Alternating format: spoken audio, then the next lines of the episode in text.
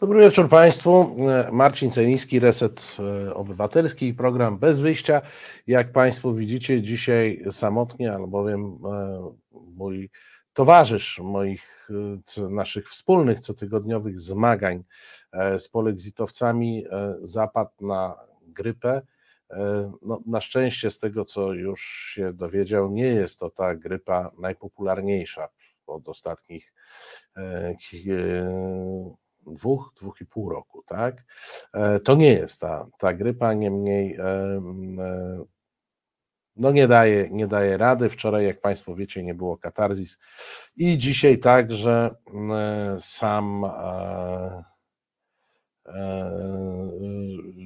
dzisiaj także sam będę Państwa wprowadzał w to, co w ostatnim tygodniu w polexicie się, na drodze polexitowej się E, zadziało.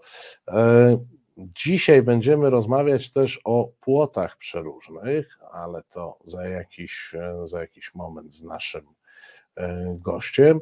Aha, no i informacje niezbędne program realizuje Maciek, natomiast producentem programu jest ktoś, kto wybrał sobie taki nick, nick pseudonim Wspieram co dobre, bardzo dziękujemy e, i za wsparcie finansowe, i za wybór e, takiego, a nie innego, takiej, a nie innej nazwy e, producenta, bo to oczywiście mile łechce naszą próżność. Proszę Państwa, przechodzimy do pierwszej części. Ja oczywiście obiecuję, że druga część będzie jak zwykle. Tutaj, prawda, różne takie periodyki e, mam do opowiedzenia, ale w pierwszej części e, wrócimy do tematu o uchodźców e, jako takich, bo rozmawiamy oczywiście o uchodźcach ukraińskich i będziemy o nich rozmawiać, no ale są też ci uchodźcy, którzy zmagają się z płotami i murami, a płoty i mury mają być większe. Takie są plany e, rządu. E, zapraszam już do wirtualnego studia naszego gościa, pana profesora Macieja Duszczyka. Dobry wieczór. Dobry wieczór z Gdańska dzisiaj. Dzisiaj z Gdańska, proszę Państwa. To dzisiaj z Gdańska. Bezpośrednie połączenie z Gdańska, z Gdańskiem. E, jakbyśmy się pośpieszyli, to chyba byśmy Cię złapali jeszcze w Warszawie, ale rozumiem, że. Tak, ale już w Gdańsku. Tak, już w Gdańsku. Gdańska.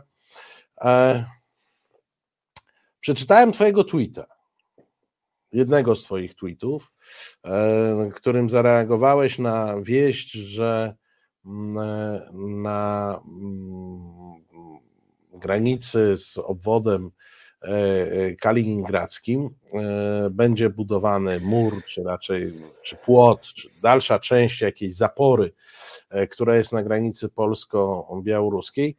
I przypomniałeś, że ten płot na granicy e, polsko-białoruskiej no nie był jakimś takim sukcesem z punktu widzenia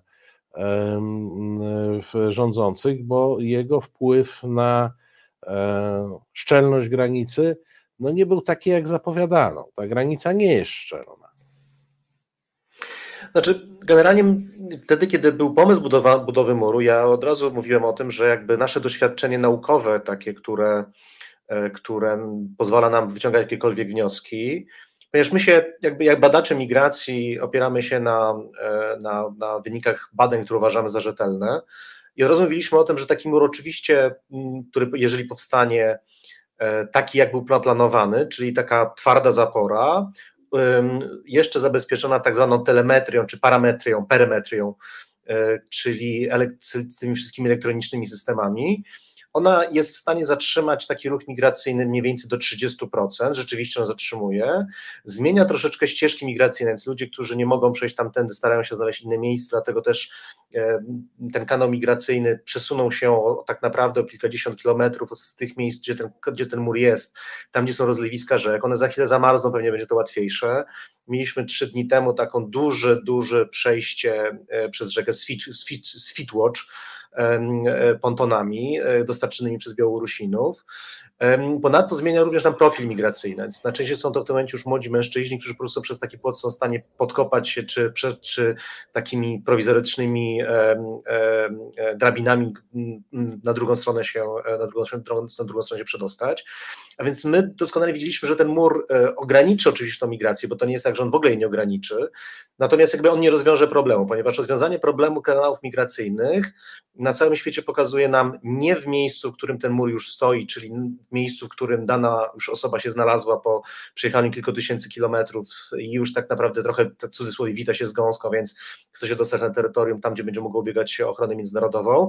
W dużej części ja się zgadzam oczywiście z tą opinią, że dużo z nich to, to, to ochrona międzynarodowa to jest tylko taki wytrych, oni po prostu chcą poprawić swoje życie, bo najczęściej na przykład nie mogą wyżywić swoich dzieci w miejscach, w których się znajdują. Złożyła się cała rodzina na ten bilet, na tego przemytnika i oni po prostu też po prostu szukają dla swojego lepszego życia. To jest bardzo trudno rozdzielić to, kto tak naprawdę ucieka przed bombami, a ten, kto ucieka przed śmiercią głodową czy z powodów ekologicznych. Więc jeżeli te osoby już tam są, no to wiadomo, że 3, 4, 5 razy będą próbowały, za którymś razem przejdą, pojadą do Niemiec, do Francji, do Wielkiej Brytanii, bo rzeczywiście większość z nich nie chce u nas, nie chce u nas zostać. Ale tych problemów rozwiązuje się albo w krajach tranzytowych, o czym pewnie jeszcze dzisiaj chwilę powiemy, ale również państwa pochodzenia, po prostu zamykając ten kanał, mówiąc o tym, że słuchajcie, nawet jeżeli przyjedziecie, no to przez ten mur nie przejdziecie, a jeżeli nawet przejdziecie, to was deportujemy, bo ten pushback nie rozwiązuje sytuacji, ponieważ ten pushback jest sytuacją, w której to wyrzucamy osoby kilkaset metrów dalej od naszej granicy. A więc jakby on na, i tak i tak za chwilę spróbujesz raz przejść, prawda? Natomiast jeżeli ją e, deportujemy, czyli wraca do państwa pochodzenia tych kilka tysięcy kilometrów, to to, że ona powróci już jest praktycznie nieprawdopodobne. Oczywiście łatwiej zrobić pushbacka, ale wiemy o tym, że on nie zadziała, bo te osoby i tak przejdą. Deportacja jest trudniejsza, trochę bardziej kosztowna, ale na pewno, e, na pewno bardziej, e, bardziej skuteczna. Jak się rozmawia z tymi migrantami, to nie mówię o tym, dla nas najgorszym wariantem jest deportacja. Dlaczego? Ponieważ, tak jak powiedziałem, no to są pewne brutalne rzeczy, ale my jesteśmy tak naprawdę w pewien sposób na jakiejś takiej wojnie też tutaj mm, z, z Putinem e, i z Łukaszenką, ponieważ oni chcą na tych ludzi koniecznie przerzucić, a my się w pewien sposób przed tym bronimy i, i musimy się jakiś oczywiście bronić, tylko że sposób, który został wybrany jest mało efektywny po prostu. Znaczy, ja cały czas w tych swoich tweetach czy różnych rozmowach i, i pewnego rodzaju um, analizach staram się pokazać, jak można zrobić to inaczej. Z murem, ale inaczej, w pewien sposób również dbając o, problem, o, o, prawa człowieka, czyli, czyli odróżniając się od Białorusinów, ale bardziej skutecznie, bardziej długofalowo, żeby ten kanał migracyjny e, e, zamknąć. A więc wygląda sytuacja na granicy polsko-białoruskiej. W ostatnim tygodniu 700 700 przekroczeń.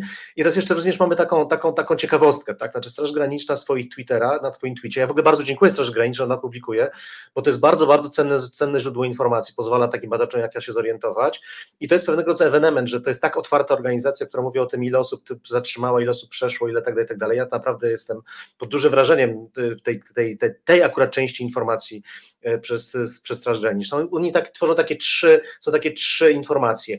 Próby przejścia, przejścia, czyli złapanie y, tych osób najczęściej na, na, na właśnie tam gdzieś na, na, na, tam, gdzie nie ma muru, tam gdzie te osoby, tam, gdzie te osoby y, przechodzą przez rzekę, oraz podejście pod mur. E, ja podejścia pod mur nie liczę, bo rozumiem, że to są osoby, które podchodzą do muru i się wycofują. Natomiast te osoby, które podejmują próbę, to one są już na terytorium Polski, bo mur jest na terytorium Polski, prawda? Czyli prawdopodobnie one przechodzą i teraz ta parametria czy telemetria pokazuje, że oni tam przechodzą, Straż Graniczna przyjeżdża i wypycha ich z powrotem. Tak? Znaczy nie pozwala im i, przejść dalej. Tak, tak, tak, tak, to, tak to po prostu rozumiem, jeżeli patrzę na te trzy różne rzeczy. A więc w ostatnich tygodniach mamy, w ostatnim tygodniu mamy 700 przekroczeń, które zostały cofnięte znaczy ludzie nie, nie poszli dalej. Natomiast też aktywność przemytników, bo tych przemytników się zatrzymuje około 20-25 tygodniowo, e, z samochodami, z różnego rodzaju takimi busami, które zabierają tych ludzi, pokazuje, że duża część przechodzi, ponieważ jeżeli by nie przechodziło, to by nie było przemytników. Przemytnicy nie przyjeżdżają oglądać piękną Puszczę Białowieską, tylko przyjeżdżają po to, żeby zabierać ludzi, którzy przeszli przez granicę i gdzieś tam w tych klasach po prostu czekają na nich, na Pineskę przyjeżdżają i zabierają ich do Niemiec czy gdzie indziej. A więc jakby wiemy, wiemy o tym, że ten kanał nie został zamknięty. Mur tak jak powiedziałem, ogranicza, zmienia profile, zmienia trochę szlak, ale w żaden sposób nie możemy powiedzieć, że rozwiązaliśmy sobie problem. Cały czas jesteśmy narażeni na prowokację, na prowokację Łukaszenki. No dobrze, ale e, przypomnij może, jak wygląda procedura deportacyjna i e, zastanawiam się, być może ona jest tak e, uciążliwa, że nie jesteśmy w stanie jej wykonać swoimi służbami. Dlatego są te pushbacki.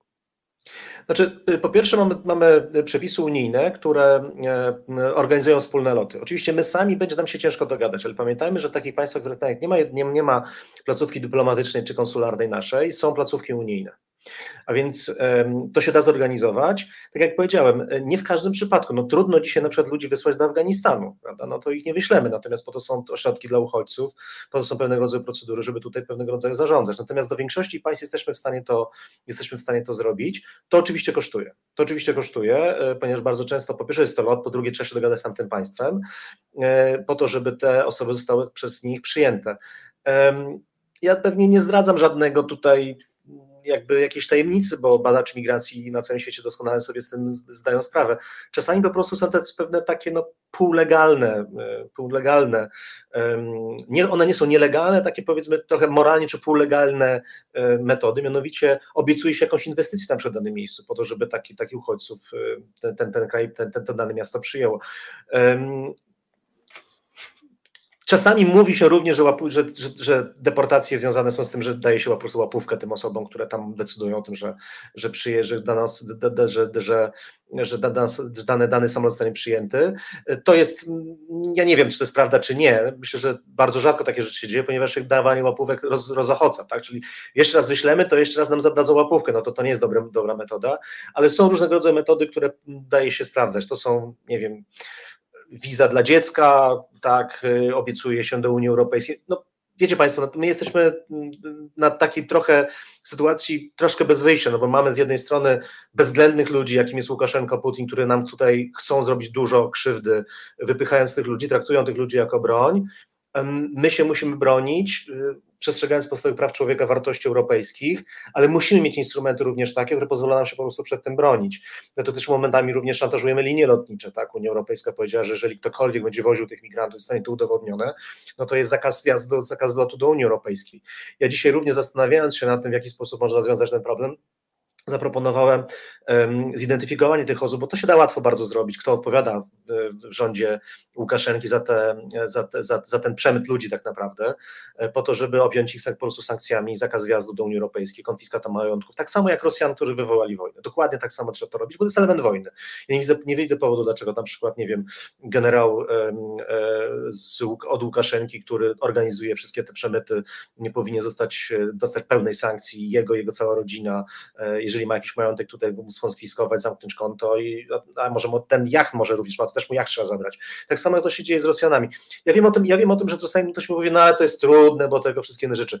Alternatywą do tego, czego mówię, jest wieczny konflikt na granicy wieczne wypychanie tych ludzi z powrotem i wiedząc o tym, że oni tak i tak w pewnym momencie przejdą, a więc utrzymywanie takiej, takiej prowizorki do momentu, kiedy, kiedy nie pojawi nam się problem na przykład, że Białorusini, bo to, to jest państwo białoruskie zaangażowane, to już nie są jakieś nawet jakieś struktury mafijne, tylko państwo białoruskie, to w pewnym momencie e, podjadą jakimiś dużymi ciągnikami, wyrwą te dwa czy trzy przesła tego muru i nam znowu zrobią to, co zrobili w Kuźnicy. Nie mogę tego całkowicie, całkowicie e, e, przecież, przecież wykluczyć, natomiast Natomiast podstawą jest zrobienie wszystkiego, żeby zamknąć ten kanał migracyjny jak najdalej od polskiej granicy. Jaka w tej chwili jest, czy, czy można wyszacować, e, jaka w tej chwili jest skala problemu? Bo no, na początku tego kryzysu mieliśmy taki, taki, powiedziałbym, serwis informacyjny robiony w dużej mierze przez media publiczne, gdzie mówiono, że tam do Mińska przyleciało 5 tysięcy osób z Syrii i one pewnie się wszystkie kierują na naszą granicę. Czy my w tej chwili wiemy, jaki jest e, na Białorusi potencjał? E, czy tam nadal przylatują nowe samoloty, czy tam o jakiej liczbie osób możemy mówić? Znaczy dzisiaj mówimy o kilku, kilkuset osobach, małe kilka tysięcy, tak, które tam są, ponieważ pamiętajmy o tym, że Łukaszenka e, sobie zafundował problem, bo duża część osób tych nie przeszła e, i on w pewnym momencie musiał ich w tak, tak zwanych bruzgach trzymać przez całą tam tak naprawdę zimę poprzednią. I tego kosztowało i on tak naprawdę dzisiaj, to są też takie trochę nieoficjalne informacje oczywiście, które docierają do opozycji białoruskiej, że po prostu oni powiedzieli, że już nie chcą powtarzać tego, ponieważ boją się, że ci ludzie, że po prostu Białorusini się zbuntują, bo w Mińsku w pewnym momencie ci ludzie mieszkali gdzieś w metrze, prawda, w różnych miejscach, czekając na ten przerzut do, do, polsko, do polsko-białoruskiej granicy. Pamiętajmy, tak, pamiętamy taką, takie wyjście z, z Grodna, tych osoby szły do granicy, wtedy była ta awantura na, w Kuźnicy wywołana przez Łukaszenkę, my żeśmy za nią odpowiedzieli tam laniem wody, okej, okay, to już jakby przeszłość, ale jakby wiemy o tym, że wiemy o tym, oni też zdają sobie sprawę z tego, że kilka tysięcy to jest, to jest coś za dużego i tak cykają teraz tymi, tymi osobami, a więc te osoby też przyjeżdżają trochę na własną rękę, ta polityka wizowa jest taka, natomiast oczywiście to jest, na tym zarabia cały czas rząd, e, rząd Białorusi, już nie tyle co zarabiał w październiku czy w listopadzie, ale nadal na tym, e, na tym, na tym, na tym zarabia, czyli to nie jest jakiś bardzo, bardzo poważny problem, ale on nie został rozwiązany przez mur, on został rozwiązany na przykład przez również takim bardzo ostrym stanowiskiem Unii Europejskiej, jeżeli chodzi o Turkish Airlines, który po prostu przywoził tych ludzi na przykład z Syrii do Mińska, tak, i Turkish Airlines już tego nie robi. Było kilka takich też linii, które to robiło, już tego nie robią. Oczywiście Belavia może to zrobić, no bo to jest, bo to jest czy, czy, Air, czy, czy, czy, czy, Air, czy Airflot, natomiast Aeroflot, natomiast Natomiast no, to już nie jest też takie, takie proste z punktu widzenia też chociażby zarabiania na, na, na, na, na, tych, na, tych, na, ty, na tych uchodźcach. A więc jakby no, tutaj jest różne instrumenty. To nie jest, dzisiaj to nie jest znaczący problem, natomiast dla mnie z punktu widzenia jakby analitycznego, czy z punktu widzenia tego, co wiemy o procesach, to wiem o tym, że jeżeli nie będziemy zamykać tego, tego kanału tam, to on nie można go otworzyć w jakiejś takiej ekstremalnej sytuacji. Powiedzmy, jeżeli jeżeli by w jakiejś chorej głowie nagle urodziło się rzeczywiście sytuacja, w której to mamy taki na bardziej negatywny scenariusz, mamy duży napływ z Ukrainy, bo e, infrastruktura krytyczna tam zniszczona, e, tu my się nie jesteśmy w stanie specjalnie pozbierać politycznie, bo się kłócimy między sobą, jeszcze kilkaset osób, jakiś atak białoruski tam, żeby zniszczyć ten mur i, i kilkaset czy kilka tysięcy osób próbujących się przedostać, no jesteśmy w trudnej sytuacji. A więc dlatego mm, to, to co ja proponuję, te bardziej długofalowe, również zaangażowanie Unii Europejskiej bardzo mocne, to jest to, żebyśmy się e, potencjalnie pozbyli tego, e, tego, tego, tego, tego problemu, e, że po prostu te osoby nie znalazły się, które będą chciały tam przyjechać, albo też zwiększyć gigantycznie koszt tego, bo jeżeli będzie taka osoba, wiecie o tym, że jeżeli się w to zaangażuje, no to ma ban do końca życia, wjazd do Unii Europejskiej i sobie na żadnym lazurowym wybrzeżu już nie poleży, no to jednak to, to odstrasza, tak, to odstrasza. Może Rosjan mniej, natomiast Białorusinów na, na, na pewno. Wiemy o tym, że ta sytuacja Białorusi nie jest tak, e, taka jednoznaczna jak, e, e, jak w Rosji. Także to, to nie jest jakiś specjalny problem, ale z takim, jeżeli nie zamkniemy tego kanału, to z potencjałem, który może się gdzieś tam coś jeszcze wydarzyć. Słuchaj, ale mm, powiedz mi tak, no bo w tej chwili do, otrzymujemy informację o decyzji, że powstanie mur na granicy z obwodem kaliningradzkim. Oczywiście można zażartować, że co nam Czesi zawinili, że Kralowiec będziemy e, odcinać, e, ale na poważnie, czy są jakieś przesłanki co do tego, E, żeby uznać, że stamtąd następuje jakieś e, zagrożenie uchodźcze, e, masowe, że tam będzie jakiś nowy kanał przerzutowy. Mamy takie informacje? Nie, znaczy powoli Marcin jeszcze skomentuję, bo widzę na czacie teraz dotyczące takiej bardzo słuszne oczywiście hasło mówiące o, o życiu ludzkim, o wartościach i tak ja mam, wiecie Państwo, ja mam gigantyczny problem w sposób opowiadania, tak jak teraz to opowiadam, bo zawsze dla mnie prawa człowieka były super bardzo istotne. Natomiast dzisiaj jakby musimy zobaczyć, musimy starać się przestrzegać podstawowych praw człowieka. Chodzi mi o to, że jeżeli to sobie przychodzą na naszą stronę, to to deportowanie ich nawet do miejsc pochodzenia jest dużo bardziej humanitarne niż to ich przerzucanie przez mur. A więc y, tutaj musimy, musimy wyważyć pewnego rodzaju, niestety, niestety zastanowić się nad pewnym, pewnym konsensusem między tym, jak jesteśmy w stanie ratować życie i zdrowie tych ludzi, którzy są w lasach, którzy często, no, tak jak wiemy, umierają również. E, ostatnio również przecież znaleźliśmy, e, służby znalazły e, no, osobę, która po prostu utonęła i Switch ją wyrzuciła w czasie przechodzenia przez, przez rzekę. Na pewno kilkadziesiąt osób po stronie polskiej, prawdopodobnie kilkaset po stronie białoruskiej umarło przy tych, zginęło przy, tych, przy tym przekraczaniu i ja doskonale sobie z tego zdaję sprawę.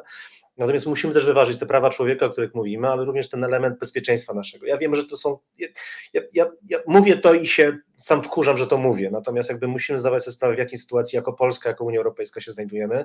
No i to hasło nie jesteśmy w stanie przyjąć wszystkich, ono musi gdzieś tam tam przyświecać, bo, bo, bo inaczej co będzie, tak? Znaczy, jak, jaka jest przyszłość, przyszłość nasza. Prawa człowieka na pewno te podstawowe, ratowanie życia i zdrowia, natomiast w ostatnim momencie, jeżeli to osoby nie, nie nielegalnie przekroczyły granice i ta ochrona międzynarodowa im się nie należy, no to złamały wszystkie możliwe też prawa i pewnego rodzaju umowę społeczną, którą, którą, która ich też, też obowiązuje i muszą wrócić do siebie, e, którym, e, do, do miejsca, z, który, do którego, z którego przyjechały, czy do kraju tranzytowego.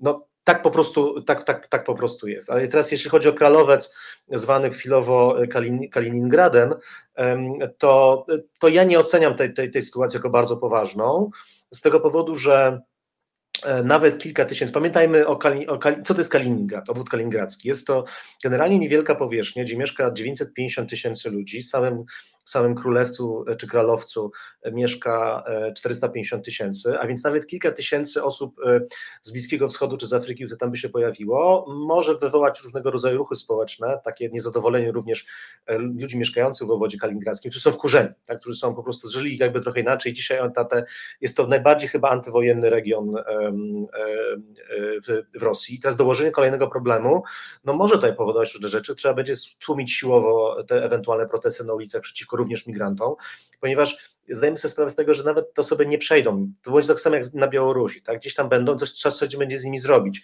Białorusi oni mogli się rozłożyć w różnych miejscach, tak? No bo to jednak jest spory kraj. W przypadku budu kaliningradzkiego to już takie proste nie będzie. Ja nie chcę powiedzieć, że w ogóle nie ma tego zagrożenia, bo Putin pokazał swoje szaloną twarz i czasami się może to wydarzyć, ale ja dzisiaj prawdopodobieństwo tego oceniam jako bardzo podobne do użycia broni atomowej e, e, w Rosji. Jako potencjalne tak, ale prawdopodobieństwo minimalne, bo, bo zdaję sobie sprawę z tego, jakie konsekwencje byłyby, e, jakie konsekwencje byłyby takiego, takiego, takiego ruchu.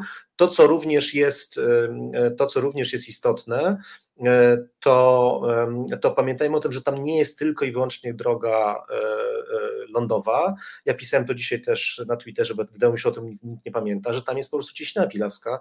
60% Zalewu Wiślanego to jest, to jest morze, to jest, przepraszam, to jest, jest to teren Federacji Rosyjskiej. Ponadto mamy granicę na Mierzei Wiślanej. Tam nie ma żadnego miasta, ale to nie jest problem, żeby przerzucić tych ludzi na przykład tam. To jest od strony Piasków, prawda, tam. Jeżeli ja rozmawiam z strażnikami granicznymi, granicznych, strzegą te rejony, to zawsze pytałem się, dlaczego tam nikogo, żadnego strażnika granicznego nie ma. Mówi, bo my wiemy, jak tam ktoś tam przyjedzie, bo to jest miejsce monitorowane. No tak, ale jeżeli to będzie miejsce monitorowane i tam te osoby zaczną przechodzić, nawet nie przez, nie, nie przez plażę, czy przez las, który tam jest, po prostu wsiądą sobie po stronie rosyjskiej łódki, jakieś czy pontony i przepłyną na drugą stronę. Co wtedy zrobimy, tak? Dla, dlaczego podjęto decyzję o, to, żeby, o tym, żeby mur... E, stawiać na tym, e, na tym pasie granicy e, z Kaliningradem. No bo to, ja mam, ja mam trzy, ja mam trzy. poza wszystkim innym, to są ciężkie setki milionów złotych. Ja muszę powiedzieć, że mam trzy jakby takie teorie. Pierwsze to oczywiście pierwsza to jest polityka, to jest, to jest czysto polityczne e, zagranie, które ma odwrócić trochę uwagę od jednak porażki e, tego, tego, tego muru na granicy polsko-białoruskiej. Kilka tygodni temu pan minister Żaryn napisał takiego słynnego tweeta, którego chyba strasznie żałuję teraz, bo wszyscy go cytują. Mianowicie napisał, że takiego granica już, e, granicy nie, nie po, zakończono budowę muru, granicy, przez granicę nikt nie może przejść, to jest najbezpieczniejsza granica e, w Unii Europejskiej. No codziennie migranci pokazują, że to jest nieprawda. Tak? Więc wydaje mi się, że to jest trochę też takie próba odciągnięcia uwagi od tego porażki, której, która jest jednak e, w budowie tej, tego, tego muru, który pamiętam był już trzy razy otwierany. Tak? Już był trzy razy już mówiono, że jest zakończony, a teraz podobno na koniec listopada on być zakończony. Nie wiem, ja myślę, że oni go tak naprawdę zakończą, patrząc na wszystkie te rzeczy, nie wiem, może w połowie następnego roku tak naprawdę, kiedy te wszystkie elektroniczne rzeczy, to bo też trzeba prąd dociągnąć, wiecie Państwo, to nie jest takie proste, tak? Trzeba jednostki mobilne trzeba postawić, które, bo telemetria nam pokaże, że dość podchodzi. Natomiast trzeba do tego miejsca trzeba dojechać oczywiście, tak? A więc jakby też pytanie o mobilność tych jednostek Straży Granicznej, które tam będą. Ale to jest poboczny temat, już trochę techniczny. Więc wydaje mi się, że to jest jakby trochę odciągnięcie uwagi od tego, od tego, od tego problemu, który mamy na granicy polsko-białoruskiej.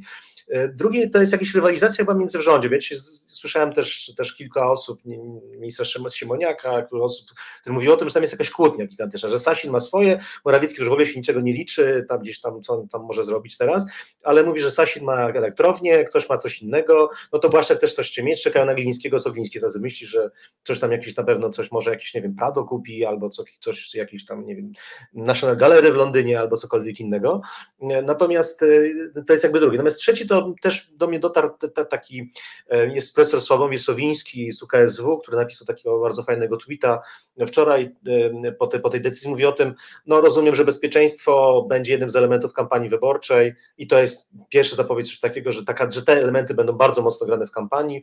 PiS będzie się przedstawiał jako państwo, które nas muruje, ale jesteśmy bezpieczni, tylko na nich możemy liczyć, że nas tutaj zamurują granice e, i więc to jest taki, taki element. Znaczy ja mogę tak sobie tłumaczyć. Dzisiaj uzasadnienia migracyjnego, uzasadnienia migracyjnego nie ma. Ponieważ e, jeżeli by było, e, to to musielibyśmy widzieć już te samoloty, które tam gdzieś sobie przylatują, wtedy rzeczywiście koncentrinę trzeba szybko rozkładać, bo wtedy widzimy. Ja nie, nie tego ruchu migracyjnego nie ma. Rosjanie robili to już trzykrotnie. Koło Estonii, koło Finlandii i koło Norwegii i zawsze był taki sam scenariusz. Zrobili to i później nic się z tym nie działo. Oczywiście my jesteśmy dzisiaj w specyficznej sytuacji, mogą tutaj próbować zrobić, ale są te ograniczenia, o których mówiłem, dotyczące wielkości, wielkości królewca, wielkości całego obwodu, problemu, które to mogą wy, wywołać, czyli moim zdaniem to prawdopodobieństwo jest e, niewielkie, a więc to jest trochę takie działanie będzie przedstawione jako wyprzedzające, jeżeli służby coś wiedzą, ok, natomiast jeżeli nie ma takiego, takiego czystej informacji, że coś się może dziać, no to wydaje mi się, że to są jeden z tych trzy, znaczy te pewnie trzy powody jednocześnie, ale który z nich pewnie jest najważniejszy, który powiedział. Może jest jakiś jeszcze inny, ale ja już się na tym nie, po prostu nie znam.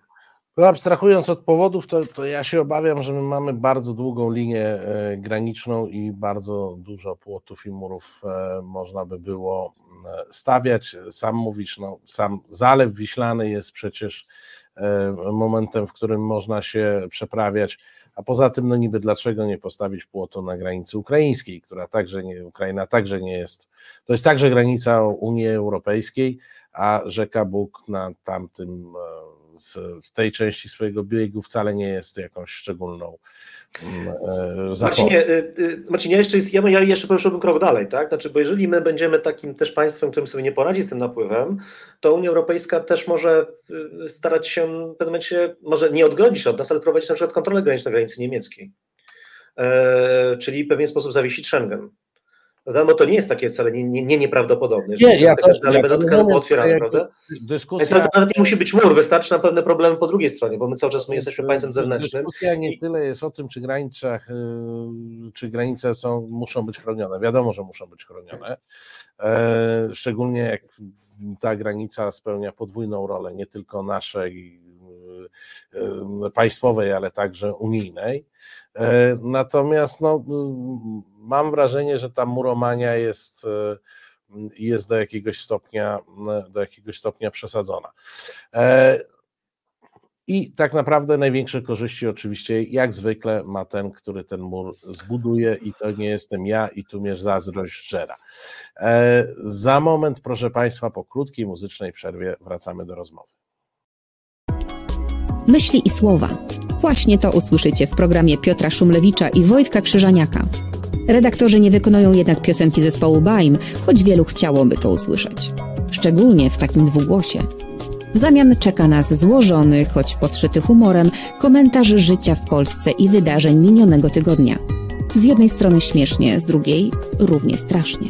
Tydzień zleciał boom. W każdy piątek po 21. E, I wróciliśmy. E, Marcin Celiński, bez wyjścia, Reset Obywatelski. Program nasz realizuje nadal Maciej, a producentem programu nadal jest Wspieram, co dobre, jeśli dobrze pamiętam. Chyba dobrze pamiętam. Bardzo dziękujemy. A gościem naszym nadal jest profesor Maciej Duszczyk. E, no to zapytam o innych uchodźców, o tych, przed którymi póki co nie zbudowaliśmy muru. Jak stoimy w tej chwili y, z kwestią migracji e, ukraińskiej. Ilu mamy, ilu z tych migrantów można powiedzieć, że gości u nas w sposób stały, a jak duże jest zjawisko, o którym mówiłeś w rozmowie z nami kilka miesięcy temu, że tu jest pewien ruch, oni przyjeżdżają, wracają e, do siebie, załatwiają jakieś tam sprawy, znowu przyjeżdżają.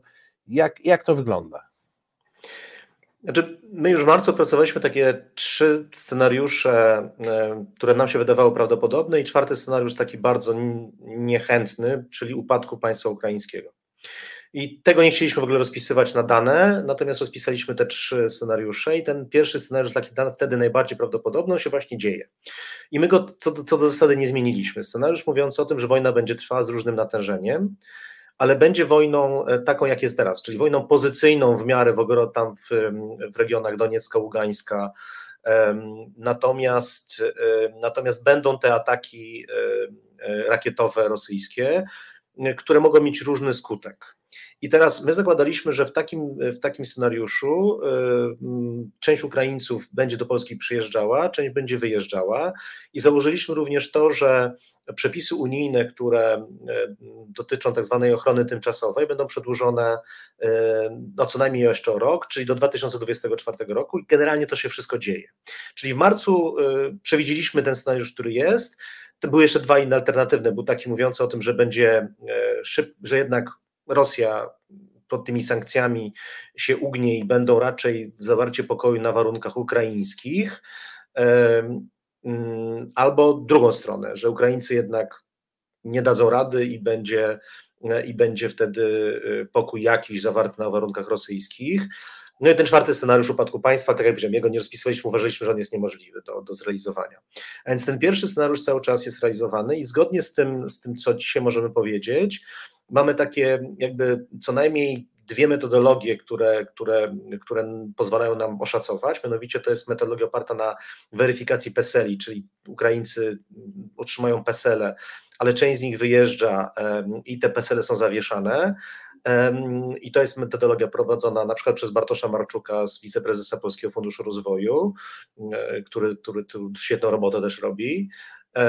I, i no, metodologia, którą ja stosuję, mianowicie metodologia oparta o e, przepływy migracyjne. Ja jeszcze taki model mam, e, który sobie w pewien sposób wymyśliłem i skonsultowałem, pewnych procentów, ile Ukraińców przekracza granicę, jak często to się robi, to jest na podstawie danych Straży Granicznej, da się to zrobić.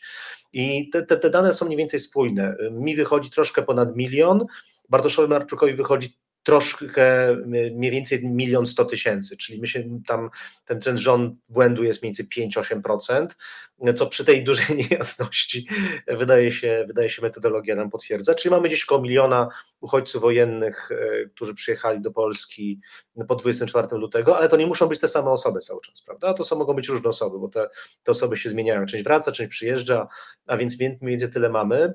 E, widzimy również to, widzimy również, aha, jeszcze trzeba pamiętać, że mniej więcej milion trzysta tysięcy mieszkało przed wojną, część oczywiście wyjechało, mniej więcej milion sto, taka ta diaspora ukraińska dzisiaj to jest pewnie około 2,1-2,2 miliona, tak byśmy sobie powiedzieli. Mniej więcej jest podzielona na pół. Pół tych przed wojny i tych pół, co przyjechało po wojnie. Część nie ma statusu, statusu ochrony tymczasowej, tamci, którzy przyjechali przed wojną, nie mają, a ci, którzy przyjechali po wojnie, mają. Oczywiście kobieta, która pracowała w Polsce, może wyjechać za granicę, znaczy wyjechać do Ukrainy, wrócić, wtedy już ma status, prawda? Natomiast nie musi tego robić, bo te prawa są w dużej części zrównane, a więc, więc tak nie jest, nie jest źle. Tak wygląda ta, tak wygląda ta sytuacja. Mamy między 200 tysięcy dzieci w szkołach, ale mamy 150 tysięcy dzieci ukraińskich poza systemem, co mnie bardzo niepokoi, bardzo mnie to niepokoi. To znaczy poza tutaj... systemem, czyli są, ale w żaden sposób nie zarejestrowani, nie korzystają My e, kompletnie nie wiemy, co, się, co oni robią. Tak? Niby, niby oni powinni, powinny, czy dzieciaki uczyć się w ukraińskim systemie,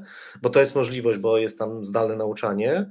Natomiast no, my po prostu nie wiemy, co one robią, czy włączają rano te komputery, czy, czy nie włączają.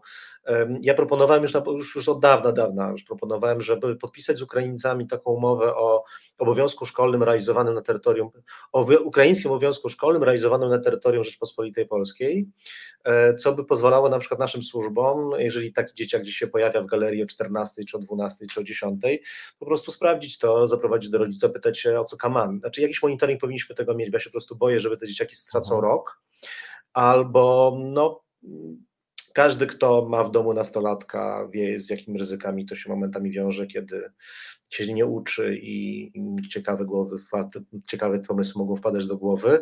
I dotyczy to zarówno polskich dzieci, jak i ukraińskich. Natomiast jeżeli mamy 150 tysięcy poza systemem, no to to jest duża liczba, tak? Szczególnie w dużych miastach, musimy sobie z tego zdawać sprawę. To jest pewnego rodzaju ryzyko.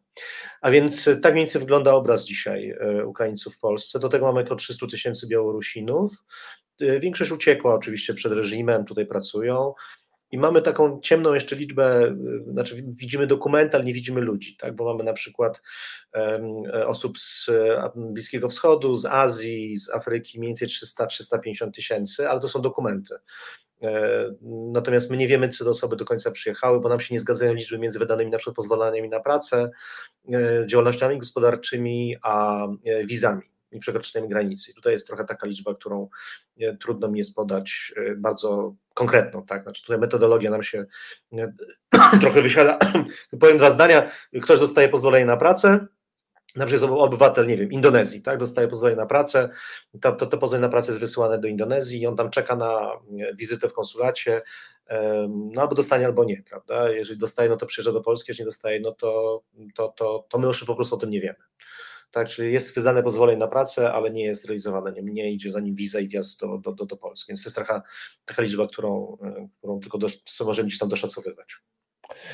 Pytanie z czatu, które e, poniekąd e, od, od pani Bożeny Breczko, e, które poniekąd koresponduje z tym, co mówisz o wariantach. No jest możliwy scenariusz narastających trudności, bo mm, ta sytuacja wojenna zdaje się, że Rosjanie są dosyć wyczerpani, ale są w stanie atakować infrastrukturę krytyczną E, w zakresie zaopatrzenia ludności cywilnej w ciepło, prąd i tym podobne. Tam po prostu w wielu rejonach e, Ukrainy, łącznie z Kijowem, jak czytamy, no mogą, warunki do życia mogą stać się trudne, szczególnie w zimie. E, na ile to może, czy, czy istnieją takie szacunki, na ile to może zwiększyć, wywołać jakąś nową falę uchodźstwa z Ukrainy? Ja się jej nie boję, po pierwsze. Tak, uważam, że Ukraińcy są na tyle dobrze przygotowani, że oni przetrwają tą zimę, chyba że po prostu będzie jakaś naprawdę jakaś katastrofa kompletna. Czyli jest oczywiście, trzeba mieć gdzieś ten scenariusz bardzo, bardzo taki negatywny, ale jak się rozmawia z Ukraińcami, to są kompletnie dwa narody, ten z marca i ten z października. E, czy z początku listopada, ponieważ wtedy te, ci, którzy przyjeżdżali do Polski, byli kompletnie przerażeni. Tak? Później pojawił się Bucza i Izją, wtedy zaczęli wyzwalać Ukraińcy tereny i to było straszne przerażenie. Jeżeli oni będą wchodzili, to co się będzie działo. Dzisiaj Ukraińcy mówią o tym, damy radę, tak? mimo tego, że mimo tego, że, że jest, może będzie trudno, to damy radę. Dzisiaj też e, taki e, istotny, wydaje mi się, element, mianowicie burmistrz Lwowa powiedział, my przetrwamy tą zimę, damy sobie radę, tylko przywieźcie nam e, generatory prądu i przywieźcie nam paliwo do nich. Tak, a więc, a więc musimy się teraz zabezpieczyć. Gdybym był dzisiaj członkiem polskiego rządu, no to powiedziałbym, słuchajcie, natychmiast w ramach takiego instrumentu unijnego z pomocy Solidarności w sytuacjach trudnych, zbieramy wszystkie możliwe generatory, gdzie są, kto po prostu może oddać, przywozimy do Rzeszowa i wywalimy do Lwowa, Iwona Frankijska, Kijowa i tak dalej, i tak dalej, bo musimy pomóc im przeżyć. Dzisiaj naprawdę, pozdrowił kiedyś Beata Szydło, to powiedział, że powinniśmy pomagać na miejscu, ale ty, wtedy to było bzdura, teraz to jest prawda, tak, my musimy naprawdę pomagać na miejscu, bo nie możemy tak, dopuścić, żeby... Szczególnie, szczególnie że mamy do czynienia z ludźmi, którzy chcą zostać na miejscu. I... Tak jest, znaczy, ale pamiętajmy o tym, to jest jakby jedna rzecz, tak jakby to, żeby utrzymać ich w Ukrainie, żeby nie przyjechali do Polski, ale po prostu my też nie jesteśmy w stanie więcej przyjąć. Tak? Znaczy, ja oceniałem ten potencjał naszej integracji na poziomie 800 tysięcy, mamy milion i widzimy o tym, że to jest koniec. Tak? To jest po prostu koniec, no bo wyobraźmy sobie 100 tysięcy więcej dzieciaków w polskich szkołach. Ja zawsze, jeżeli ktoś mi jeszcze mówi o Solidarności Unijnej, że Unia nic nie robi i tak dalej, i tak dalej, to przepraszam, mi się krew gotuje. Bo wyobraźmy sobie teraz, że te 4 miliony, ponieważ w całej Unii Europejskiej mniej więcej około 4 milionów y, y, dzisiaj Ukraińców, może, może 3,5, prawda, no mniej więcej tyle. w drugim państwie co do wielkości, u nas ten, ten milion, powiedzmy 100 tysięcy, milion, milion 100 tysięcy, w Niemczech jest mniej więcej 700 tysięcy, prawda. Oni mówią o milionie w statystykach, ale oni te same, te same statystyki jak nasze, jeszcze 700 tysięcy tysięcy, w Czechach 300 tysięcy i tak dalej, dalej. We wszystkich państwach unijnych jest ponad 3 miliony, na pewno ponad 3 miliony. Teraz wyobraźmy sobie, że, że nie mamy tej solidarności unijnej, że mamy te zamknięte, że nie mamy tej dyrektywy o tymczasowym, to tymczasowej ochronie, wszyscy oni są w pierwszym państwie bezpiecznym, czyli u nas albo na Słowacji. No przecież to byłoby jakaś absolutna katastrofa, prawda? Nie dalibyśmy rady, prawda? I teraz jakby e, w tej perspektywie zimy musimy sobie też pomyśleć, ile my mamy mieszkań, których możemy tam w momencie przyjąć, gdzie będzie prąd, gdzie będzie, będą warunki lepsze niż w Ukrainie, po prostu, tak? Po prostu, w świecie, prawda? Ponieważ wiemy o tym, że my już nie otworzymy własnej drzwi, już Polacy nie otworzą, ze względu na to, że już to zrobili raz, to była inna sytuacja. E, oraz druga, druga bardzo moim zdaniem ważna, ważna informacja, jest po prostu przestaje być stać na to, tak? No bo jednak te koszty, które są, inflacja, które, które ponosimy, po prostu to jest inna sytuacja. Naprawdę, my jesteśmy kompletnie innej sytuacji niż, niż w marcu, którym, którym ta sytuacja ekonomiczna Polski i nasz jako gospodarstwo była kompletnie inna. Czyli teraz bym nawet nie, nie ja, ja się jakby odwracam pytanie. Ja nie chcę mówić, ile osób może przyjechać, tylko ile my możemy realnie przyjąć. Prawda? Ja powiedziałem, jak sobie to wszystko policzyłem, te miejsca w różne miejsca, mówię, no 500 tysięcy na zasadzie takiego po prostu już masowego pobytu w jakichś halach, może jeszcze byśmy dali radę, tak? ale, ale czy to nie wywoła naprawdę już pewnego rodzaju oporu polskiego społeczeństwa? Nie jestem wcale taki przekonany, prawda? Czy my jesteśmy jeszcze dalej w takim, w takim systemie pomagania. I teraz jakby znów proszę mi, proszę mi, proszę mi wybaczyć pewnego rodzaju uproszczenie, tak? Zdaję sobie sprawę z tego, że nie mamy czasu na półtorej godziny wykład. I teraz jakby dzisiaj z punktu widzenia profilu psychologicznego naszego, my będziemy bardziej otwarci na pomaganie, wtedy kiedy by nie daj Boże doszło do jakiejś naprawdę złej sytuacji w Ukrainie, na przykład użycia taktycznej broni atomowej czy broni jądrowej, bo wtedy dla nas jest to, wiadomo, coś absolutnie przerażającego, prawda? No bo nagle tutaj jest jakiś atak jądrowy za naszymi granicami i pewnie wtedy uciekających będziemy lepiej przyjmować, w cudzysłowie lepiej, ale z punktu, jeżeli to będzie tylko tak naprawdę taka, no, wyjazdy z powodu zimna, z powodu y, braku prądu, no to już tacy chętni nie będziemy, bo, bo to, mówi o, to mówi o profilach naszych jakby y, takich też psychologicznych mówiących, jak się, jak, się pomaga. Ja zawsze już powtarzam to, to jest pewnie, że Państwo macie dosyć tego stwierdzenia. To jest maraton, a nie sprint, ale również musimy rozkładać siły, bo to nie jest koniec. To nie jest koniec, tak? Musimy rozkładać siły, ale również wiedzieć, na ile, ile możemy przebiec, żebyśmy za chwilę zawału nie dostali, prawda? Czy nie, nie biegnie się od razu maratonu, prawda? Więc my musimy też określić nasze potencjały pomagania, żeby odpowiedzialnie pomagać. Jeżeli nie, no to no to trzeba, jeżeli, jeżeli byłoby to nie daj Boże więcej osób, to musimy natychmiast mieć systemy relokacyjne w ramach Unii Europejskiej. Najpierw w ramach Polski, później w ramach, w ramach Unii Europejskiej, ale Niemcy powiedzieli, my Kodbus powiedział jasno, słuchajcie, my już nie dajemy rady, tak? W różnych miejscach i tu jest, jest nie, pewnego rodzaju ryzyko, tak? ale ja go wcale też nie oceniam jakoś bardzo wysokiego, wysokiego z tego powodu, że wierzę o tym, że Ukraińcy to jest kompletnie inne państwo. Ja, ja, ja wierzę Ukraińcom, tak? znaczy, przez dłuższy czas, e, kiedy obserwowałem sprawność państwa ukraińskiego, to miałem tutaj duże dylematy, natomiast uważam, że teraz to, co robią, robią naprawdę, są spięci myślę, że jak my im pomożemy tymi generatorami, e, paliwem, różnymi rzeczami, to, to, to, to, pewnie, to pewnie sobie e, dadzą radę, bo ta zima, ta zima jest absolutnie kluczowa. Ta zima moim zdaniem zadecyduje o tym, na jakich warunkach będzie zawarty pokój y, między Ukrainą a Rosją, bo jakiś zawarty pokój będzie. Musi być jakiś pokój. Ale jeżeli przetrwamy tą zimę, pokażemy Putinowi, że nas nie złamał, to będzie bardzo blisko do tego, żeby ten pokój został zawarty na ukraińskich warunkach.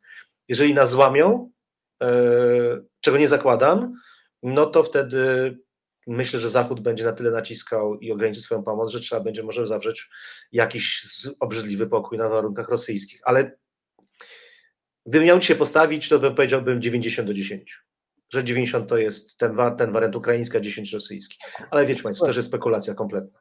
Słuchaj, to ja na koniec zapytam o zupełnie inny kierunek e, uchodźczy, e, bo wyczytałem, że zbadałeś studentów, konkretnie studentów medycyny, i jedna trzecia z nich zamierza po studiach ewakuować się z Polski. E, no nie, nie będę już smutno żartował, że może zwolnią miejsca dla tych Ukraińców, którzy e, e, przyjadą.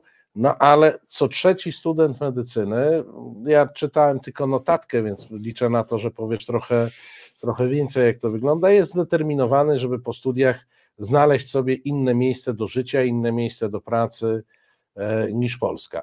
No, w kontekście tego, co wiemy o służbie zdrowia, gdzie um, brakuje, brakuje cały czas kadry, no to zdaje się, że my powinniśmy przygotować się do emigracji za tymi studentami medycyny, jeśli chcemy mieć jakąś sensowną opiekę zdrowotną. E,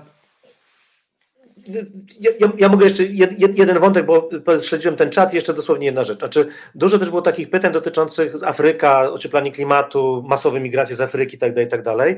Jest pomysł na to, jak sobie z tym trochę poradzić, długofalowy niestety, znaczy taki, który jeszcze zdążymy przed tym ocieplaniem, który z konsekwencjami, a to jest na inną rozmowę, bo to jest naprawdę bardzo poważne jakby wyzwanie, również ekonomiczne, ale również współpracy z państwami tranzytowymi, jak również pewnymi oczekiwaniami migrantów, którzy chcą, którzy z tamtych miejsc będą wjeżdżali. To, to nie są osoby, które chcą mieszkać w, nie wiem, w willach, blokach, tylko mają bardzo podstawowe potrzeby przeżycia i, i my mamy pomysł na to, znaczy w ramach takich zespołów Unii Europejskiej, w Komisji Europejskiej pracujemy na tym, mamy naprawdę naprawdę pomysł, jak to zrobić, ale tak powiedziałem na inną rozmowę. Także uspokajam od tych, te osoby, które pytały o to, że, że na tym pracujemy też bardzo mocno i mamy pewne pomysły, w jaki sposób sobie z tym wyzwaniem poradzić, bo to rzeczywiście wyzwanie jest, będzie pewnie dużo większe niż jeśli, nawet niż wojna w Ukrainie. Natomiast odpowiadając na to pytanie, rzeczywiście zawsze chciałem zrobić ten projekt, nigdy nie miałem na niego czasu, dostałem pieniądze z Narodowego Centrum Nauki na, na, na grant, to jest bardzo specyficznym grantem, ponieważ e, to są tak zwane badania powtórzone, mianowicie my będziemy łapali te roczniki, bo my badamy studentów, tak, badamy studentów, na ostatnim roku pytamy ich potencjał migracyjny, potem ich łapiemy za rok, za dwa, za trzy, ale również w kolejnych latach badamy kolejnych, prawda, czyli to jest, będzie bardzo duże badanie takie ciągnione, ja mam nadzieję, że zajmę się nim już do końca życia swojego naukowego i będę, i będę wiedział dużo więcej na temat e, potencjałów migracyjnych, natomiast to pierwsze badanie, ta pierwsza runda, proszę pokazała nam, że ci, ci, ci już absolwenci tak naprawdę kierunku lekarskiego podzielili się na trzy kategorie. Tych, którzy na pewno nie wyjadą, mówią nam jest tu dobrze i damy sobie radę, tych, którzy mówią, a może wyjedziemy i tacy trzeci, którzy mówią o tym, my prawdopodobnie wyjedziemy. 11% powiedziało o tym, jesteśmy spakowani generalnie. Tak? Nauczyliśmy się już języka szwedzkiego, norweskiego, czekamy tylko na specjalizację i mamy załatwioną robotę w szpitalu. Także to co dziesiąty powiedzmy jest taki, który jest. Natomiast ta jedna trzecia rzeczywiście bardzo poważnie rozważa migrację, ale oni jeszcze nie są spakowani. Czyli jeszcze jest dużo rzeczy możemy zrobić, żeby ich powstrzymać. Co nas zaskoczyło, to to, że że tym głównym czynnikiem nie jest wynagrodzenie. Bo ja zawsze sobie powiedziałem, aha, to będzie wynagrodzenie, w ogóle nie pytajmy o wynagrodzenie, będzie wynagrodzenie, ale mój zespół mnie zmusił do tego, żeby, żeby te, o to wynagrodzenie zapytać, znalazło się na czwartym miejscu. Na pierwszym miejscu znalazły się e, taki, taki oni jakby to, to jest swoją frustrację wyrzucali w tym momencie, bo żeśmy też pytali, dlaczego tak odpowiedzieli. Oni odpowiedzieli sytuacja społeczno-ekonomiczna w Polsce. Społeczno-polityczna, przepraszam, społeczno-polityczna w Polsce. Oni się duszą w państwie. Tak? Czy ta jedna trzecia się dusi? Mówię o tym, my już trochę mamy dosyć tego ciągu nawalanki, jakim my im mówimy, ale w Niemczech, czy w Holandii, czy w Hiszpanii jest bardzo podobnie. Mówimy, ale tak, ale to nie jest nasze państwo tam. Znaczy, tam się możemy od tego odreagować, tu nie, bo tu żyjemy tym wszystkim. Tak, tam będziemy obcymi, tam będziemy funkcjonować, będzie nas interesowała hiszpańska polityka. Ale tu nas interesuje polska polityka, dlatego tu jest ten element i to jest, to jest bardzo ciekawe. I hejt, tak? No, ten hejt ich bardzo mocno dotknął, ale to też pytaliśmy ich specyficznej sytuacji popandemicznej, prawda? Więc jakby teraz, teraz w lutym ich znowu zbadamy, ciekawe, czy ten hejt się powtórzy, się powtórzy, znaczy, coś jest naprawdę na rzeczy. No ale 95% powiedziało, że hejt. No i warunki pracy, warunki pracy, które to jest jakby kompletnie inne pokolenie. To trzeba też zrozumieć. Oni nie chcą pracować po 12 godzin. Oni chcą, mówią tak, ja chcę być lekarzem, chcę być, poświęcić więcej czasu pacjentowi, chcę, chcę e, rozwijać swoją karierę również naukową jako lekarz, a nie tylko ganiać od przychodni do przychodni za uczciwe pieniądze. Czyli chcę mieć tak, jakbym miał na zachodzie. W Polsce chcę mieć tak jak na zachodzie, jeżeli chodzi o lekarz. Jeżeli w jakiś sposób nawet nie aż na takich jakby na takich warunkach, ale te warunki są zbliżone, to ja tu zostaję. Jeżeli nie, no to jest tam, bo, bo ja lubię, nie wiem, yy, grać w hokeja, albo chodzić do opery, albo grać na skrzypcach, whatever, tak, znaczy każdy ma jakieś różnego rodzaju. Pamiętajmy o tym, że to są bardzo inteligentni ludzie, to jest, to jest, to jest jednak bardzo dobrze wykształceni, to jest nie, nie, nie, rzadko używam słowa elita, ale z punktu widzenia patrząc, jakie licea kończyli, tak, też często z jakich rodzin pochodzą, prawda, czasami takiej, takiej tradycji, to nie jest nic drożnego. Przed, przed drugiej RP mieliśmy tak samo przecież pewnego rodzaju rodziny prawnicze, rodziny lekarskie, no bo to jest jakiś taki element, prawda, który, który funkcjonuje, a więc jakby jakby jeżeli tak to, tak to, tak to, tak to zafunkcjonuje, ta, ta, pewnego rodzaju elita jednak e, e, zafunkcjonuje, no to, to, to też oni tutaj u nas zostaną, to, to ja się bym tak tej migracji nie bał. Natomiast jeżeli, jeżeli będzie tutaj problem, no to oni, oni, oni wyjadą. Oni są w lepszej sytuacji niż nauczyciele, bo tu patrzę o nauczyciele, to jest oczywiście absolutnie tragiczna sytuacja, tylko jakby nauczyciele nie są w stanie, nie mogą wyjechać ze swoim zawodem. No, tak? znaczy, nauczyciel wyjedzie do Truskawek czy cokolwiek, no niestety, prawda, czy będzie ja myślę, lekarz, ja Jasne. myślę, że tutaj mamy do czynienia z sytuacją, w której oczywiście nauczyciele e, i przedstawiciele innych zawodów równie się duszą, gdyby ich przebadać, zrobić takie badanie, jakie zrobiliście, pewnie wskaźniki byłyby podobne, tylko że w przypadku lekarzy, nie wiem, informatyków, pewnej grupy inżynierów, e, wyjazd za granicę e, daje szansę pracy w zawodzie wymarzonym, nie powoduje pewnej deklasacji. No, najczęściej w przypadku e, nauczycieli polskiego wyjazd do Norwegii, żeby nauczać polskiego, to jest jednak e, trudny. E, to jest trudny, bo nauczycieli polskiego dużo tam nie potrzeba i wiąże się, musiałby się wiązać ze zmianą zawodu ze zmianą sposobu życia. U lekarzy jest to dosyć proste, bo oni są poszukiwani na całym świecie, w każdym kraju rozwiniętym znajdą pracę. Tu jeszcze jest taki fajny komentarz mówiący, Murarz też chce mieć tak jak na zachodzie, do czego dojdziemy z takim myśleniem. E, Murarz często ma tak, już, już jest tak jak na zachodzie. Murarze pojechali, to była fala, fala migracji. Tak, wyjechali, ale z drugiej strony również też, pamiętajmy... była nasze budowy w, w, w okolicach 2006-2010. Znaczy pamiętajmy też, ile kosztują remonty, takie tak naprawdę zarabia też murarz tutaj, patrząc na, patrząc na koszty utrzymania w Polsce i w tych miejscach. E, e, paradoksalnie, Szanowni Państwo, zawody w drugim segmencie rynku pracy są ich warunki życia, ich jakby patrząc na zarobki, są zbliżone do Europy Zachodniej.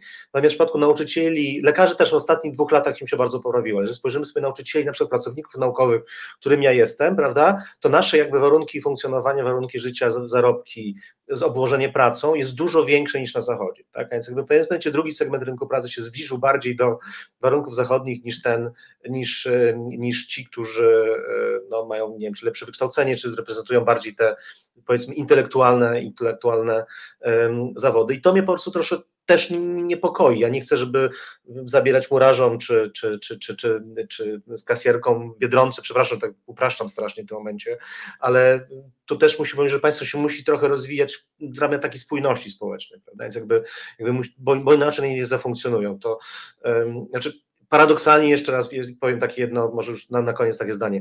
Jakoś bez remontu mieszkania sobie poradzimy, tak? No ale bez onkologa, bez chirurga, bez anestezjologa sobie nie poradzimy. No niestety tak po Skala problemu może być skala problemu może być inna.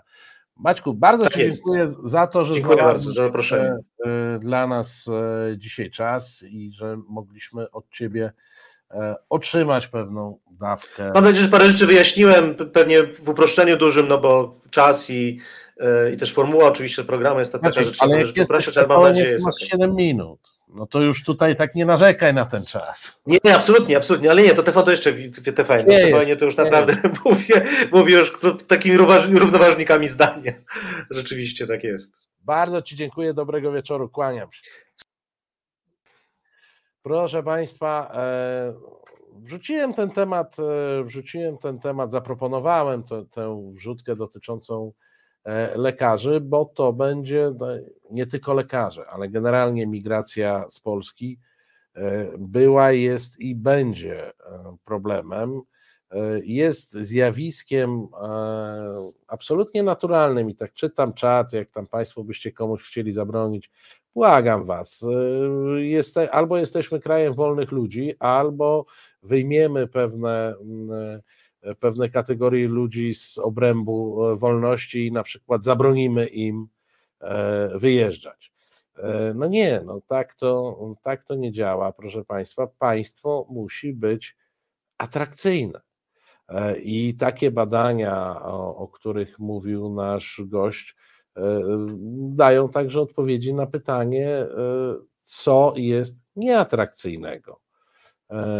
I to nie jest mm, i to nie jest kwestia mm, i to nie jest kwestia jak usłyszeliśmy tak po prostu pieniędzy. No jak Państwo mówią, że lekarze zarabiają tyle samo co na zachodzie, macie rację, tylko że na zachodzie zarabialiby te pieniądze pracując w jednym miejscu, mając czas na pracę naukową. W Polsce zarabiają te pieniądze, e, pracując w jednej publicznej placówce i jeszcze w sześciu e, innych, w sześciu innych prywatnych. Ktoś tu z Państwa piętnował, faktycznie to jest fatalna, e, fatalna praktyka, natomiast no, no, dlaczego to robią? Dla przyjemności? Czerpią jakąś dziką rozkosz z tego, że biegają od przychodni do przychodni? Nie.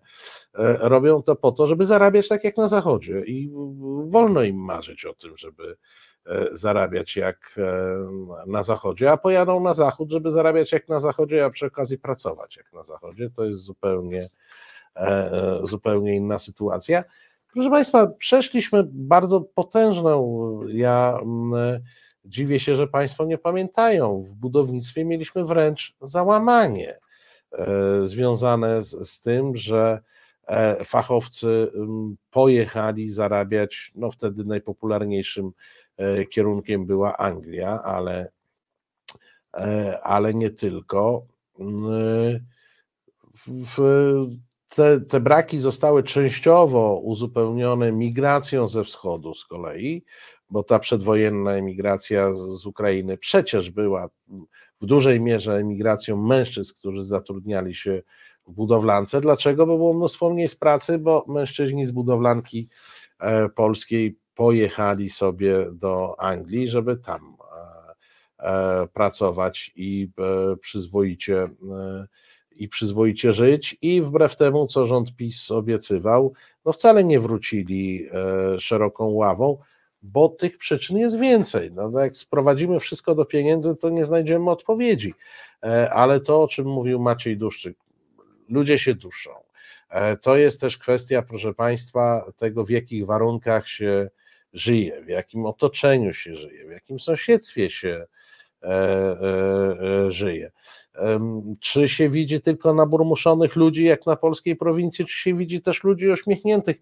To wszystko ma e, wpływ na to, że człowiek ma ochotę mieszkać w takim czy innym e, kraju. Natomiast jeżeli chodzi o wszystkie pomysły e, związane, związane z tym, żeby tam przytrzymać określone kategorie zawodowe, proszę Państwa, no to System sowiecki to realizował przez lata nieskutecznie. Powodowało to e, różne mm, figury e, akrobatyczne, bo ci ludzie, jak człowiek chce uciec, to zawsze ucieknie. E, nie da się zrobić, nie da się zrobić szczelnego więzienia, z państwa szczelnego więzienia, nawet z Korei Północnej czasami komuś uda się E, uciec, a co dopiero e, z takiej Polski z naszą e, czysto słowiańską umiejętnością organizacji granic także. Więc, proszę Państwa, to jest walka z wiatrakami. Po to, żeby ci lekarze chcieli tutaj być, to po prostu trzeba poprawiać Polskę. I jak Polska będzie lepsza, to oni nie będą wyjeżdżać. Prosty temat.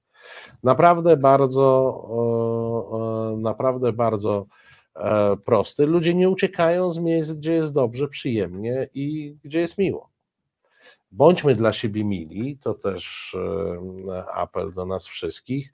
To damy sobie jeden punkt do tego, żeby e, nie uciekać, nie uciekać z Polski. Natomiast jak mówicie Państwo o studiach za darmo, studia nie są za darmo, studia są z publicznych pieniędzy. Mm, e, ja płacę podatki i jako podatnik e, finansuję e, szkolnictwo wyższe, zresztą to, to niższe, czyli też w sposób proporcjonalny, jak każdy, jak każdy z nas. Natomiast Możecie Państwo, ja bardzo często przewija się ten wątek i ja zawsze to będę Państwu powtarzał. Państwo nie jest po to, żeby dla niego umierać. Państwo nie jest po to, żeby się poświęcać. I że lekarz taki z patriotyzmu, on tu będzie siedział na jednej państwowej posadzie e, i e, leczył, bo jest patriotą. Nie, proszę Państwa. Państwo jest po to, żeby zaspokoić nasze potrzeby, których nie jesteśmy w stanie sami zaspokoić. E, państwo jest po to, żebyśmy byli szczęśliwi. My wszyscy i każdy z nas, e, i każdy z nas mm, e, z osobna. Jeżeli państwo tej funkcji nie realizuje, jak i wielu innych, to nie można się dziwić, że ktoś z tego państwa chce wyjechać, bez względu na to, jakie studia ukończył, bo ja przyznaję prawo do emigracji każdemu, i tym po medycynie, i tym po prawie, i tym po filologii łacińskiej, i tym e, po matematyce. Mało tego, przyznaje prawo do emigracji także tym, którzy nie skończyli żadnych szkół na tej samej zasadzie jak e, profesorom. Z tymi tam bezpłatnymi studiami to też jest w dużej mierze w dużej mierze już dzisiaj e, przesada. Już dzisiaj przesada. Ale tak czy inaczej, czy one są płatne w formie czesnego, czy one są płatne w formie e, dotacji, subwencji wypłacanych z podatków, to one są zawsze płatne i ja nie mam poczucia, żebym e, nie zapłacił za studia swoich dzieci i być może jeszcze jakichś innych dzieci w związku z czym, w związku z czym mm, powrót do jakichś bolszewickich pomysłów, do uznania, że ktoś jest niewolnikiem, bowiem skończył państwową uczelnię, za którą nie płacił czesnego, to jest jakieś, to jest jakieś, e, to jest jakieś nieporozumienie. To, te uczelnie nie są opłacane przez państwo, nie są opłacane przez rząd, są opłacane przez nas, obywateli. E, I jeżeli ma być to narzędzie do zniewalania obywateli, to patrzcie, żebyśmy się nie obudzili w kraju, w którym nikt nie będzie chciał studiować medycyny i będą jeździć studiować medycynę e, do Czech. Do Czech. E, na przykład, czy gdziekolwiek. No, po prostu możemy ewentualnie przesunąć punkt emigracji. Zamiast emigrować po studiach, będą emigrować e, przed e, studiami.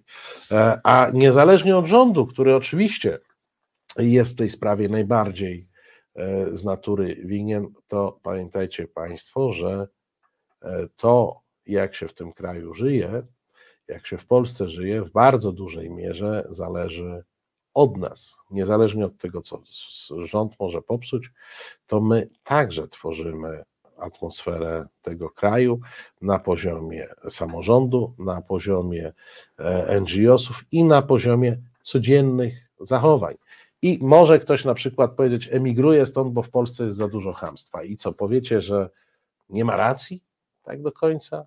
No, zastanówcie się przez moment. Muzyczna przerwa zaraz po przerwie po Exit News. Jeśli do haseł o prawach kobiet jednym tchem dołączamy prawa człowieka, to dlaczego na świecie za uniwersalne uznaje się to, co męskie? Przyglądamy się nie tylko feminizmowi i patriarchatowi, ale przede wszystkim rzucamy rękawice niesprawiedliwościom społecznym i opresyjnej kulturze, które dotyczą nas wszystkich. To jest wojna. Z Dominiką Kasprowicz, każdy czwartek od 21 w resecie obywatelskim. Proszę Państwa, na koniec, no bo czytam te, jeszcze wrócę na chwilę. Proszę Państwa, państwo nie istnieje po to, żeby czynić z nas, e, na przykład ze względu na to, że niektórzy z nas są zdolniejsi i są lekarzami, e, niewolników. Naprawdę. Nie, nie ma tak. Państwo piszą o jakichś systemach finansowania, wtedy jest zupełnie inna sprawa, no ale to wtedy jest sytuacja prosta. Jeżeli ktoś dostaje stypendium, które jest na jakichś warunkach zwrotne, czy jakiś kredyt i tak dalej, to ten kredyt spłaca, ale ten kredyt może spłacić i zapewne łatwiej mu pójdzie spłacić ten kredyt, pracując za granicą, więc zastanówcie się, czy przypadkiem takie kredytowanie e, nie nasiliłoby e, tego trendu do e, wyjazdu. Mm, e, e, bo taki kredyt moim zdaniem wielu przekonałby do wyjazdu, bo łatwiej go mm, spłacić pracując e, gdzie indziej. Mogłoby się tak zdarzyć. Proszę Państwa, nie, nie, znaczy jakby na poziomie absolutnym, absolutnie podstawowym. Nikt nie może być w żadnym przypadku niewolnikiem państwa. Nie. Mogą sobie pisowcy powtarzać, że będą tam, nie wiem, oni zmienili tezę, bo najpierw było, że lekarze niech jadą, teraz niech zapłacą za studia. Nikt, proszę Państwa, nie może być niewolnikiem. Człowiek ma wolną wolę i jeżeli komuś przychodzi do głowy, że chce mieszkać w innym punkcie globu, to nie ma we współczesnej cywilizacji państwa, które by powiedziało: Nie, będziesz mieszkał w Polsce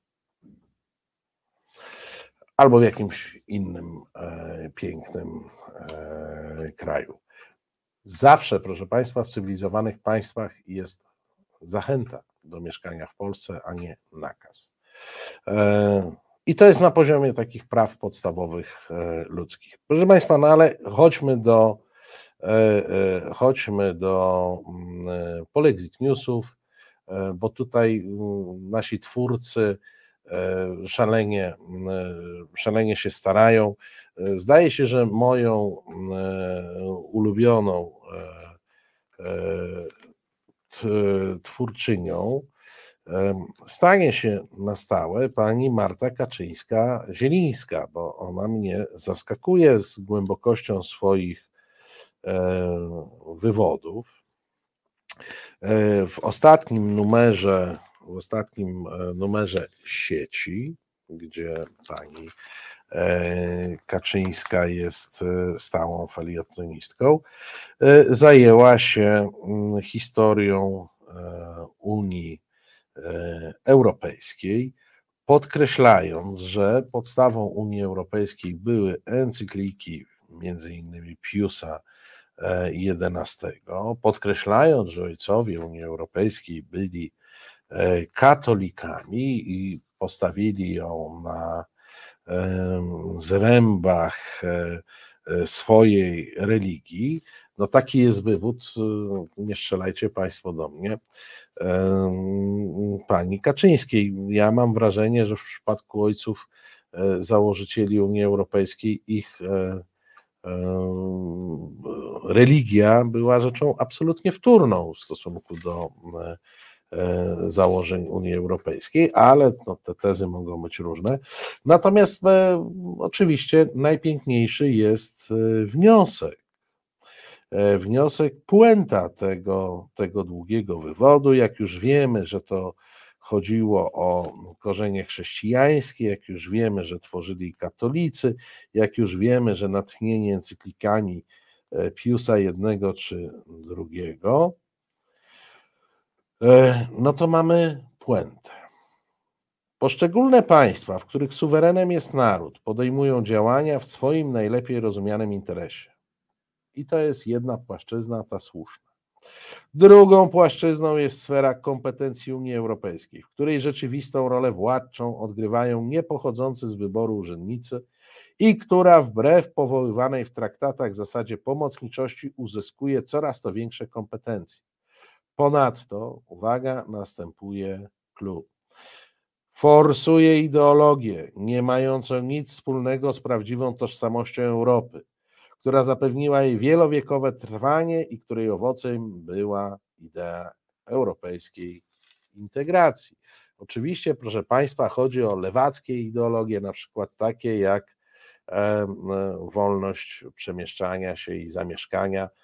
Część z Państwa na pewno się zgodzi, to jest w ogóle jakiś skandal e, z tymi lewackimi ideologiami. Natomiast muszę Państwu powiedzieć, że E, w tygodniku sieci niewiele jest o Europie. Oni się bardzo skupili na, uwaga, tajemnicy reklamówki z kasą.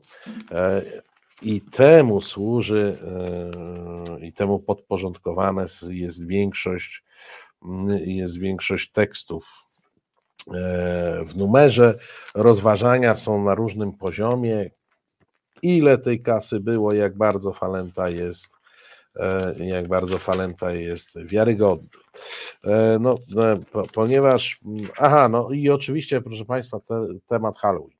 No nie, to słuchajcie, no ale nie, nie ruszam, ale dużo jest, nie? O, pan Wilstein młodszy mm, pisze skretynienie pod znakiem dyni. Tak, tak jest na przykład, ale to jest e, off topic. E, proszę Państwa, w gazecie polskiej e, to jest w ogóle e, zabawne, że czasami ten tak zwany timing, jak się teraz mówi, potrafiło mm, takie psikusy płatać, mm, bo nie dalej jak w poniedziałek tak, jeśli dobrze pamiętam, w poniedziałek, pojawiły się doniesienia, że w Odrze znowu wzrósł poziom zasolenia. E, I znowu tam momentami wygląda na to, że Odra robi się po raz kolejny e, rzeką o zawartości martwej, jeśli chodzi o, e, o E, o warunki dla organizmów żywych, przynajmniej tych słodkowodnych. No i nieszczęśliwie w tym samym czasie ukazuje się wywiad z panią Małgorzatą Golińską, to jest pani wiceminister ochrony środowiska, którą, który to wywiad prowadzi pan Jacek Liziniewicz, znany specjalista od klimatu i zagrożeń ekologicznych, któryż od dłuższego czasu, no, dłuższego czasu od lasów, no taki tym. E, no i sam tytuł, proszę Państwa, możemy się pośmiać. Jak nakręcano histerię wokół Odry. Zero dowodów i zmyślone plotki. Tak pani wiceminister mówi w momencie, kiedy mamy kolejną falę zanieczyszczeń, co do których e, znowu nie będziemy wiedzieli, e, znowu nie będziemy wiedzieli, dlaczego się pojawiły i o co tu chodzi. No i tutaj oczywiście nie obyłoby się, nie może się obyć bez wojny polsko-niemieckiej. E, pan Liziniewicz pyta, jak sytuacja wyglądała w Niemczech? Wszak to rzeka graniczna, a jednak histeria inna jak u nas. I odpowiedź pani wiceminister. Po pierwsze, wiemy, że Niemcy widzieli śnięte ryby i nie reagowali. Nie podjęli działań ograniczających dostęp powinno być dostępu, ale w oryginale jest dostęp do rzeki. E, nie byli również specjalnie zainteresowani tym, aby budować zapory dla martwych ryb, jakie my budowaliśmy w województwie zachodniopomorskim.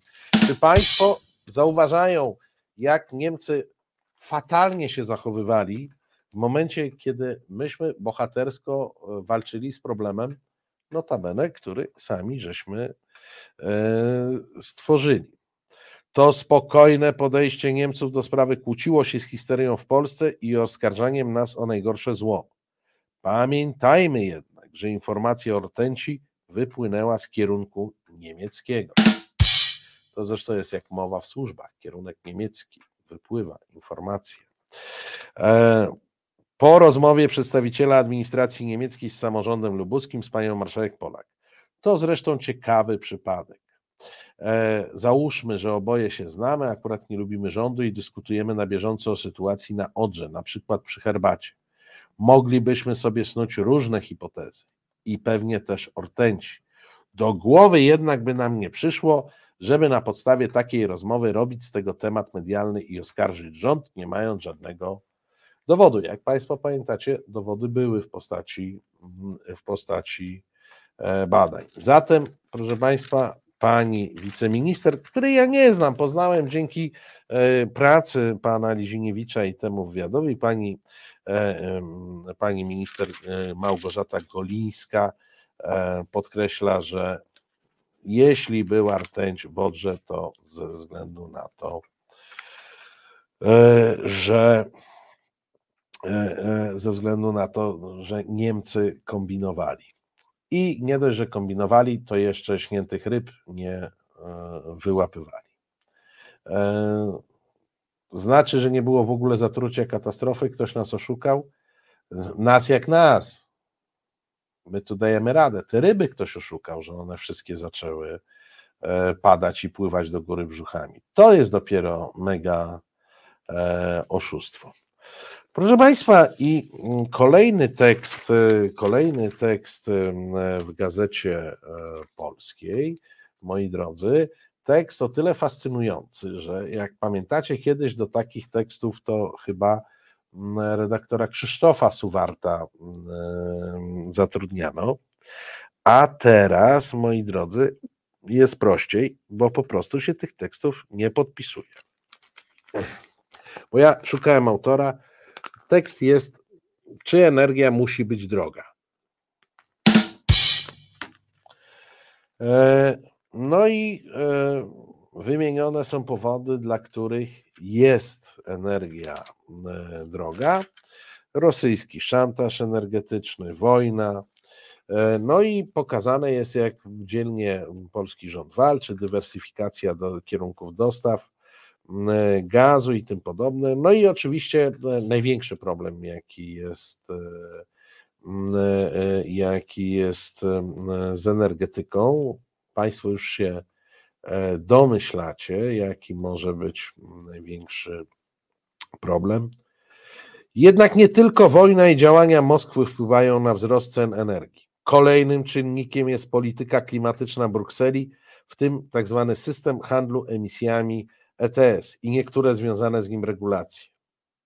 E, Ustanowiony w 2005 roku system stanowi podstawę polityki Unii Europejskiej przeciwdziałania y, zmianom klimatycznym, więc tu nawet uczciwie jest e, napisane.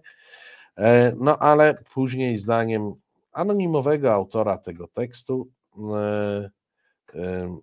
to, co zaporządkowano jako rozsądny system mający na celu zmniejszenie zależności od paliw kopalnych, skończyło się w rezultacie drastycznym wzrostem cen energii dla krajów, które znajdowały się na początku ścieżki transformacji energetycznej, takich jak Polska z wciąż wysokim udziałem węgla w miksie energetycznym. Oczywiście słowa nie przeczytacie, że te opłaty były, zasilały budżety krajowe. I dla krajów, które wydawały te środki zgodnie z przeznaczeniem, czyli na budowę alternatywnych e, dla mm, tych opartych na paliwach kopalnych źródeł energii, zadziałał bardzo, bardzo dobrze. E, bar, przeciekawy tekst, proszę Państwa, naprawdę. Ja przeglądałem go kilka razy, szukałem jakiegokolwiek śladu e, autora, więc nawet nie wiem, komu podziękować za te mądrości. Być może jakąś wskazówką jest taki mały znaczek tutaj. E, to jest e, partner e, dodatku o energetyce. Nazywa się Enea i jest spółką Skarbu Państwa. No tak w środeczku jest, więc nie jest, nie wygląda to tak, jakby Enea była autorem tekstu, ale jakoś tak chyba należałoby to E, moi drodzy, e, skojarzyć w jakiś sposób, przynajmniej się jakoś. Zresztą to muszę Państwu powiedzieć, że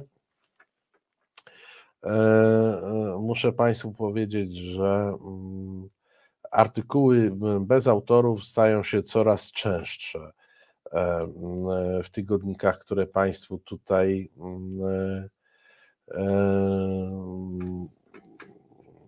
prezentuje. E, I być może wiąże się to z tym, że autorzy zaczynają e, e, uchylać się od przyznawania do, do swojego miejsca pracy, ale bardziej do tego, że są to po prostu teksty sponsorowane, podesłane z maili Dworczyka. Wiemy, jak to się robi.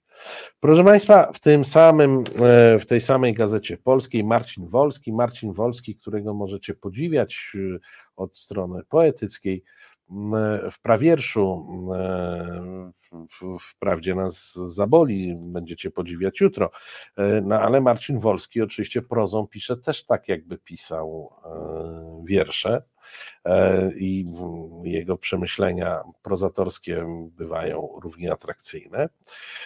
Marcin Wolski pisze o wojnie nowego typu i pisze między innymi tak. Nowoczesna wojna hybrydowa przebiega również w sferze psychiki, a ta u współczesnych Europejczyków jest wyjątkowo słaba, ukształtowana bezstresowym wychowaniem i brakiem lęku o cokolwiek. To też szok wisi w powietrzu, choć niewielu zdaje sobie z tego sprawę. Nie życzę, żeby Zachód musiał doświadczać tego samego, co krwawiący Wschód choć trochę strachu by się przydało. Tutaj tak filuternie e, pan Wolski nam mówi. E, być może postawiłoby to cały świat z powrotem na nogi, tak by odżyły wartości odwieczne i prawdziwe. Na wojnie nie ma ateistów, brak miejsca na 160 płci, filozofię gender i zajmowanie się ochroną gąsienic, gdy stalowe gąsienice rozjeżdżają ludzi. Przy okazji warto spytać bojowników e, walki o klimat, ile powietrza, wody i ziemi może skazić jedna, nawet niewielka eksplozja nuklearna.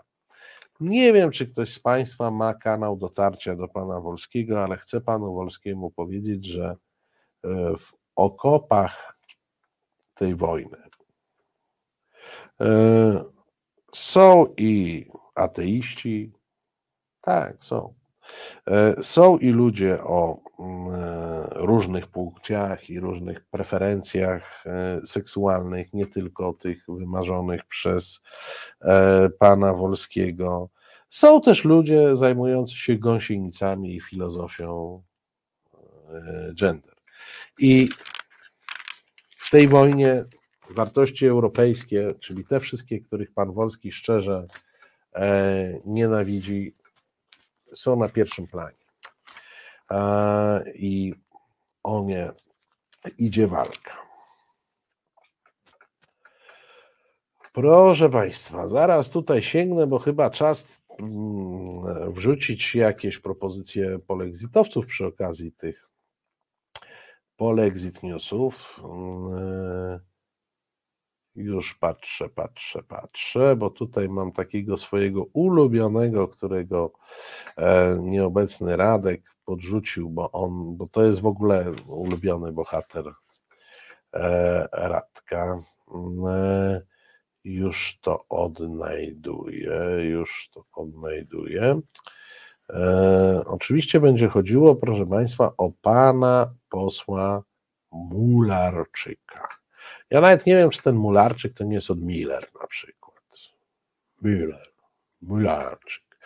Bo on taki strasznie jest E, strasznie jest, e, strasznie jest zajęty tematami niemieckimi, a do tego wszystkiego e, no, został wiceministrem, wiceministrem spraw zagranicznych, co wydaje się być no, kolejnym absolutnie kawaleryjskim ruchem E, pana prezesa e, Kaczyńskiego.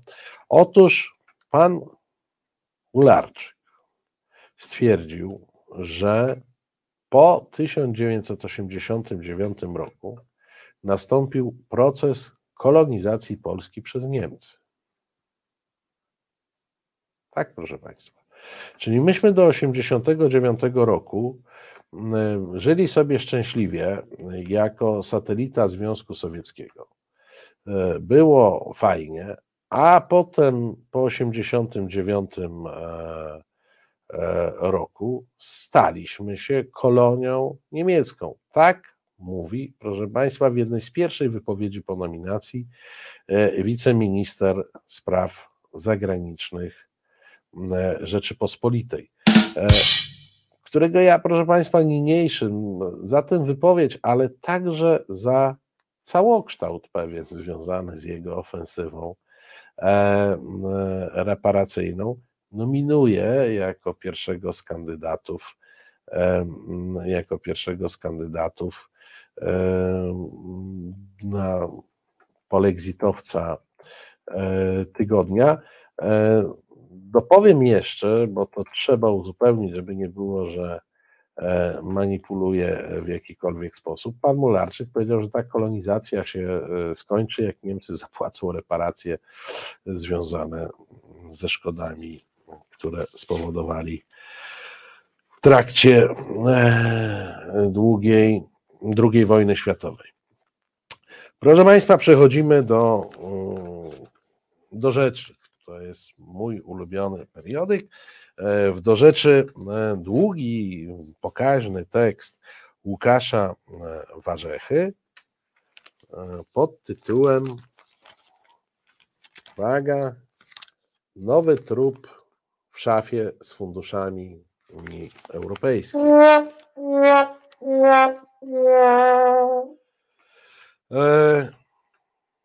No i muszę Państwu powiedzieć, że ten tekst ja akurat uważam za dość y, zabawny, bo Łukasz Warzecha przekształca, występuje tu w roli dziennikarza śledczego, którego śledztwo niestety nie można, nie, nie dochodzi do jakichś dużych konkluzji, e, ponieważ Łukasz Warzecha zastanawia się, jak to się stało. No, może teza.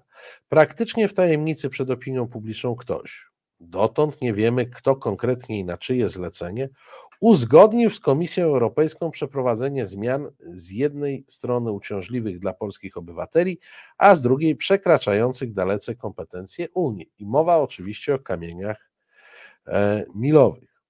Do dziś nie wyjaśniła się sprawa tajemniczej listy warunków i kamieni milowych, od których uzależnione jest przyznanie Polsce pieniędzy z programu odbudowy i odporności. Jako, że pamięć polityczna bywa krótka, przypomnijmy, dość niespodziewanie w maju okazało się, że lista kamieni milowych, które Polska zobowiązała się wypełnić, aby zacząć otrzymywać pieniądze z KPO, nie zawiera przynajmniej nie, zamiera, nie zawiera bynajmniej jedynie trzech punktów dotyczących sądownictwa. Jest wielokrotnie dłuższa, jest na niej blisko 300 pozycji, z czego część to właśnie z angielska zwane kamienie e, milowe. No i muszę Państwu powiedzieć, że to jest naprawdę, jesteśmy w kategoriach głębokiej śmieszności. E, otóż jedyną, e, jedyną osobą, jednocześnie organem, który mógł się zgodzić, reprezentując Polskę na kamienie milowe, e, jest premier Mateusz Morawiecki. Łukaszu Warzecho. E, no to cię uprzejmie informuję, zgodnie z traktatami i zgodnie e, z kompetencjami krajowymi, premier Mateusz Morawiecki jest upoważniony do tego typu zobowiązań. Mało tego, wiemy, że premier Mateusz Morawiecki kwestie kamieni milowych postawił, mimo że nie musiał, ale postawił na posiedzeniu rządu i one zostały, one zostały przyjęte przez rząd. Więc mm, przekażcie panu Łukaszowi, że rząd Zjednoczonej Prawicy przyjął, e, e, przyjął kamienie milowe. Jakkolwiek, tu trzeba powiedzieć, poseł Suski powiedział, że nie wiedział, co przyjmował i on się nie zgadza, jako szef doradców premiera ówczesny. E, Suski, można znaleźć tę wypowiedź. Ja ją nawet e, prezentowałem Państwu, to już było wiele tygodni temu e, w Kraków, Warszawa, gdzie takie wypowiedzi pokazujemy. Pan poseł Suski powiedział, że się w ogóle z tym nie zgadza. Jak usłyszał, że to było głosowane na posiedzeniu rządu, to powiedział, że nie wie kiedy i nie czytał. Więc proszę Państwa, więc proszę Państwa, Odpowiedź wydaje się być prosta, natomiast pan Warzecha powątpiewa, czy premier wiedział, e, czy spojrzał w taką czy inną umowę. Pojechał premier i obiecał wszystko. I obiecał wszystko, i podpisał wszystko. Proszę Państwa, dawno niesłyszany, dawno niesłyszany, e, pamiętacie takiego ministra e, rolnictwa Jana Krzysztofa Ardanowskiego. On gdzieś tak trochę, prawda, się ukrywał przed nami, e, ale wraca, e, wraca e, pan Ryszard Gromacki, przeprowadza z nim wywiad. Wywiad się nazywa Ratujmy swoje. Pan Ardanowski ma coś swojego do uratowania, a taki podtytuł jakby nagłówkowy Polska jest zakładnikiem komisarza z Polski. E, proszę Państwa, ja pomijam, on tutaj trochę złośliwości sączy w stronę y, Janusza Wojciechowskiego, pisowskiego w końcu komisarza e, rolnictwa w Unii Europejskiej. No, to są ich rozgrywki. E, ale urzekła mnie pewna wypowiedź. Czy nie o to właśnie chodzi? To jest pytanie projektantom tych zmian. Polska wieś wciąż mocno przywiązana do tradycji rodziny, odporna na obyczajowe nowinki, nie jest do niczego potrzebna lewicowcom stojącym za zielonym e, ładem.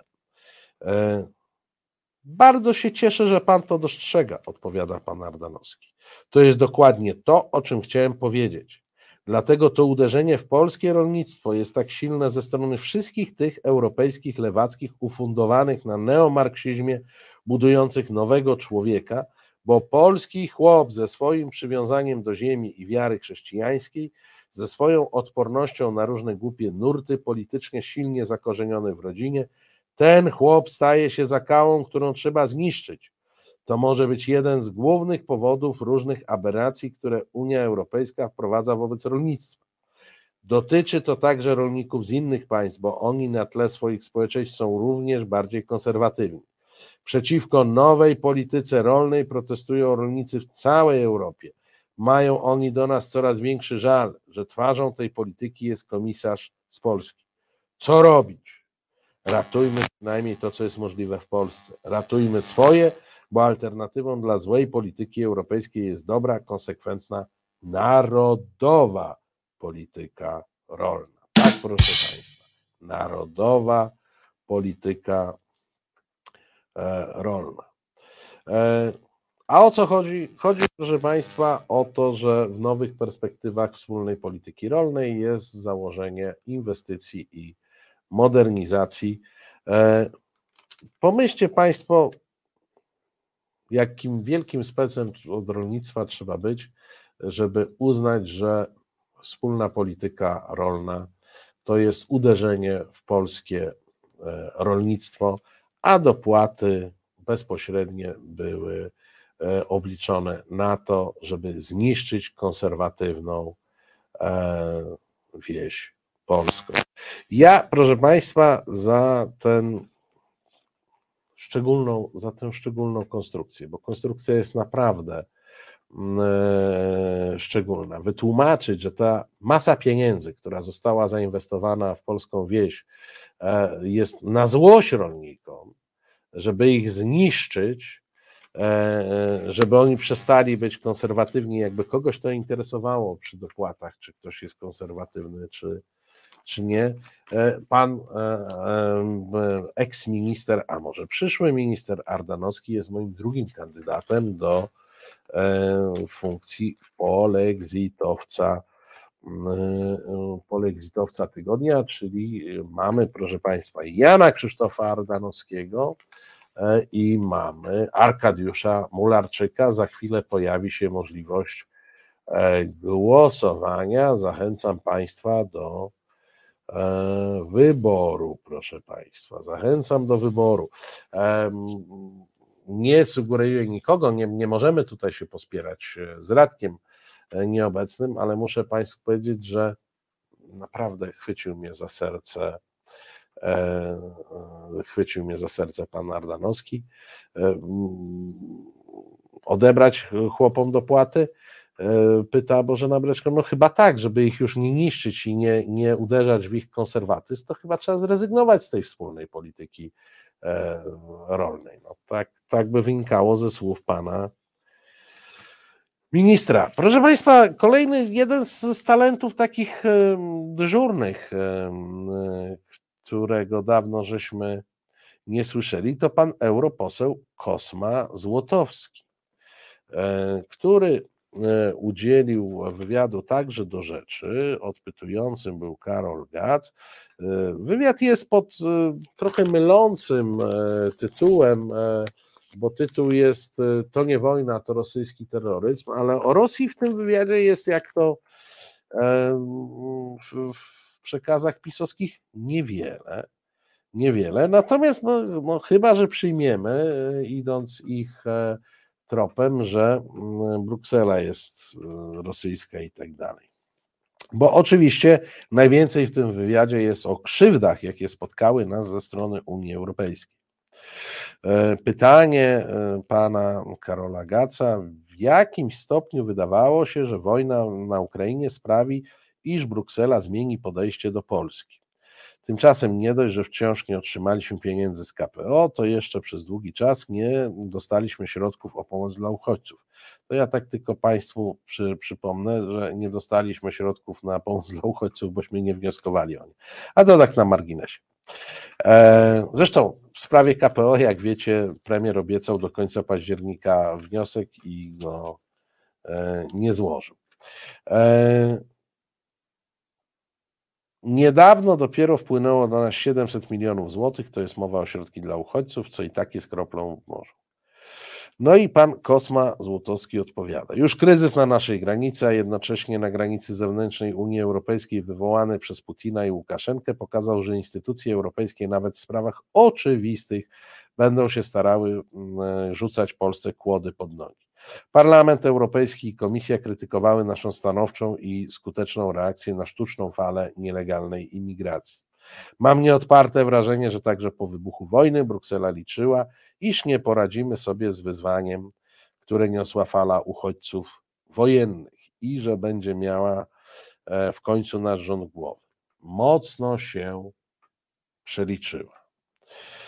E, niedawno media poinformowały, że Bruksela może zablokować Polsce wypłatę z funduszy regionalnych, które miały do nas trafić w ramach unijnej polityki spójności. Czy to Pana zdaniem realny scenariusz? Pan Kosma odpowiada. Nie powinien być realny, bo po pierwsze, Polska wydaje środki europejskie najlepiej w Unii Europejskiej. Po drugie, nigdy nie było do nas żadnych zastrzeżeń, jeśli chodzi o kwestie formalne czy defraudację. A po trzecie, fakt, że je otrzymujemy, to nie jest żadna dobra wola Komisji Europejskiej, ale cena za otwarcie naszego rynku na firmy z całej Unii po akcesji. Niestety, coraz częściej to nie fakty mają wpływ na decyzje Komisji i Parlamentu Europejskiego, ale emocje i niechęć y, do naszego rządu podsycana skutecznie przez opozycję. Proszę Państwa, to wszystko dlatego, że one nas nie lubią. Ci z Europy, oni nas nie lubią i robią nam na złość. No tak, tak, tak. Gdybyście Państwo e, mieli jakieś e, wątpliwości.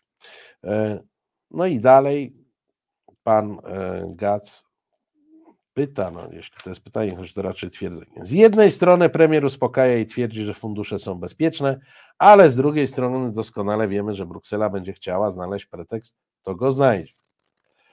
I pan Kosma odpowiada, oczywiście, po to są te stosy makulatury zawierające już kilkanaście rezolucji powtarzających kłamstwa o Polsce i stanie naszej demokracji. Mają podtrzymywać atmosferę niechęci, a w odpowiednim momencie mogą stać się takim samym politycznym pretekstem do kolejnych sankcji na Polskę.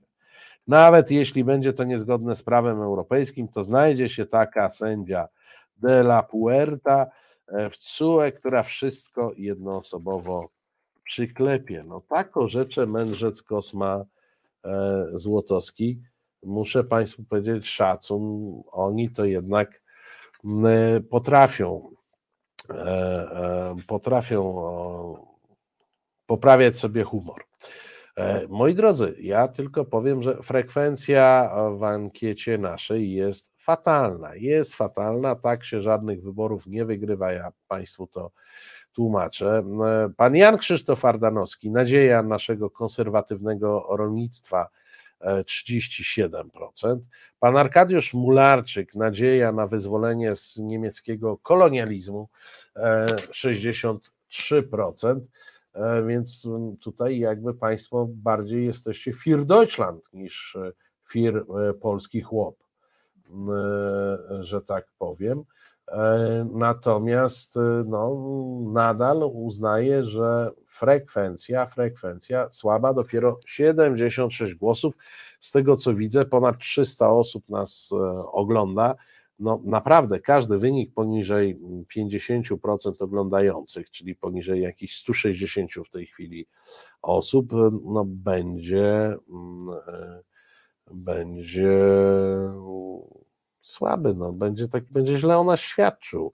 E, jakie świadectwo da Europie? Być może będzie powodem e, taki wynik kolejnych sankcji e, europejskich, bo oni, jak wiadomo, oni, jak wiadomo, no, nas nie lubią i na różne sposoby próbują nam dokuczyć, więc zachęcam. 87 głosów to nadal mało, proszę Państwa. Mularczyk 67, Ardanowski 33 państwa, 33 e, państwa głosy. Odpuściłem Państwu wątpliwą e, radość analizy, analizy tekstów, które e, skupiają się, które skupiają się na walce z LGBT, znowu się pojawiły. Natomiast muszę Państwu powiedzieć, muszę Państwu powiedzieć, że akcenty akcenty e, w tych mediach, które dają możliwość, e, które dają możliwość śledzenia przyszłych decyzji politycznych, tak? bo to każda decyzja obwieszczana potem przez pisma, przygotowania artyleryjskie w ich mediach, wskazują, że oni w jakiś sposób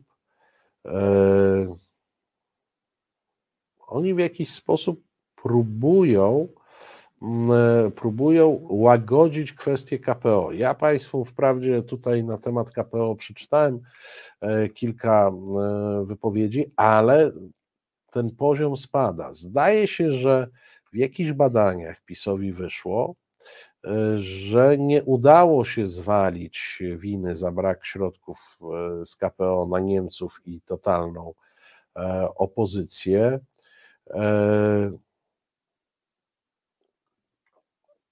I wydaje się, że oni będą szli w stronę jakiegoś takiego bazowego, mm,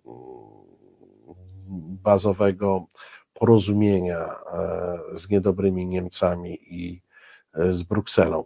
Spodziewałbym się po tonie, oczywiście. To jest, jak często tutaj powtarzam, sowietologia, czyli trochę takie wróżenie z ułamków faktów, a nie e, analiza faktów. Wydaje się, że oni będą, zrobią co będą mogli, żeby przed wyborami dostać choćby jakąś najmniejszą pierwszą transzę z KPO, bo nie udało się zwalić e, winy na e, wszystkich dookoła i wszystkich e, obcych. Proszę Państwa, musimy powoli zmierzać do końca, jak patrzę na zegarek, bo już za moment Dominika i to jest wojna. 94 głosy, moi drodzy, ostatnie chwile, żeby tak niska frekwencja nie poszła w świat. Arkadiusz Mularczyk 68%, Jan Krzysztof Ardanowski 32%. Trochę mnie martwi, że Państwo nie doceniają polskiego rolnictwa, a szczególnie tego, co mogłoby się z nim stać e, w przypadku narodowej e, polityki rolnej. Przykro mi w imieniu pana Ardanowskiego i wszystkich rolników e, polskich, którzy są odwodzeni e, siłowo od swojego konserwatyzmu przez e, dopłaty europejskie, natomiast staną się dużo piękniej i dużo mocniej konserwatystami dzięki jakimś dopłatom z narodowych z narodowych z narodowego programu, który by im E, który by im pomagał e, tak po staremu, bez inwestycji, trochę owsa, trochę kartofla i konserwatywne wartości, bo przecież, e, bo przecież o to chodzi. Proszę Państwa, ostatnia minutka, za minutkę zamykamy ankietę. W tej chwili 101 głosów, 67 Mularczyk, 33 Ardanowski. E, frekwencja fatalna. Fatalna, proszę Państwa, wstyd mi za tą frekwencję. E, pan, e, tutaj padła taka propozycja innej ankiety. Proszę zrobić ankietę, jaki procent zwolenników i przeciwników ogląda reset obywatelski, ale zwolenników i przeciwników czego, żebyśmy ustalili? Jakby można było dowiedzieć. Zwolenników nie wiem, dopłat bezpośrednich. No, a drugie pytanie, czy przeciwnicy coś rozumieją z tych e, rozmów w resecie, ale zdefiniujmy, e, zdefiniujmy o jakich przeciwników chodzi. Ankiety zawsze są możliwe. Bardzo Państwu e, dziękuję za dzisiejsze spotkanie. To było bez wyjścia i reset obywatelski. Za chwilę Dominika za chwilę Dominika e, Kasprowicz i to jest wojna. E, ja mam nadzieję z Państwem się zobaczyć jutro e, od 17.30, a troszkę później, bo w spółdzielni Pogodna Rozpacz, czyli w programie Prawda nas zaboli Piotra Najsztuba. No i oczywiście zapraszam na niedzielę na rozmowy Celińskiego i Kraków, Warszawa, wspólna sprawa.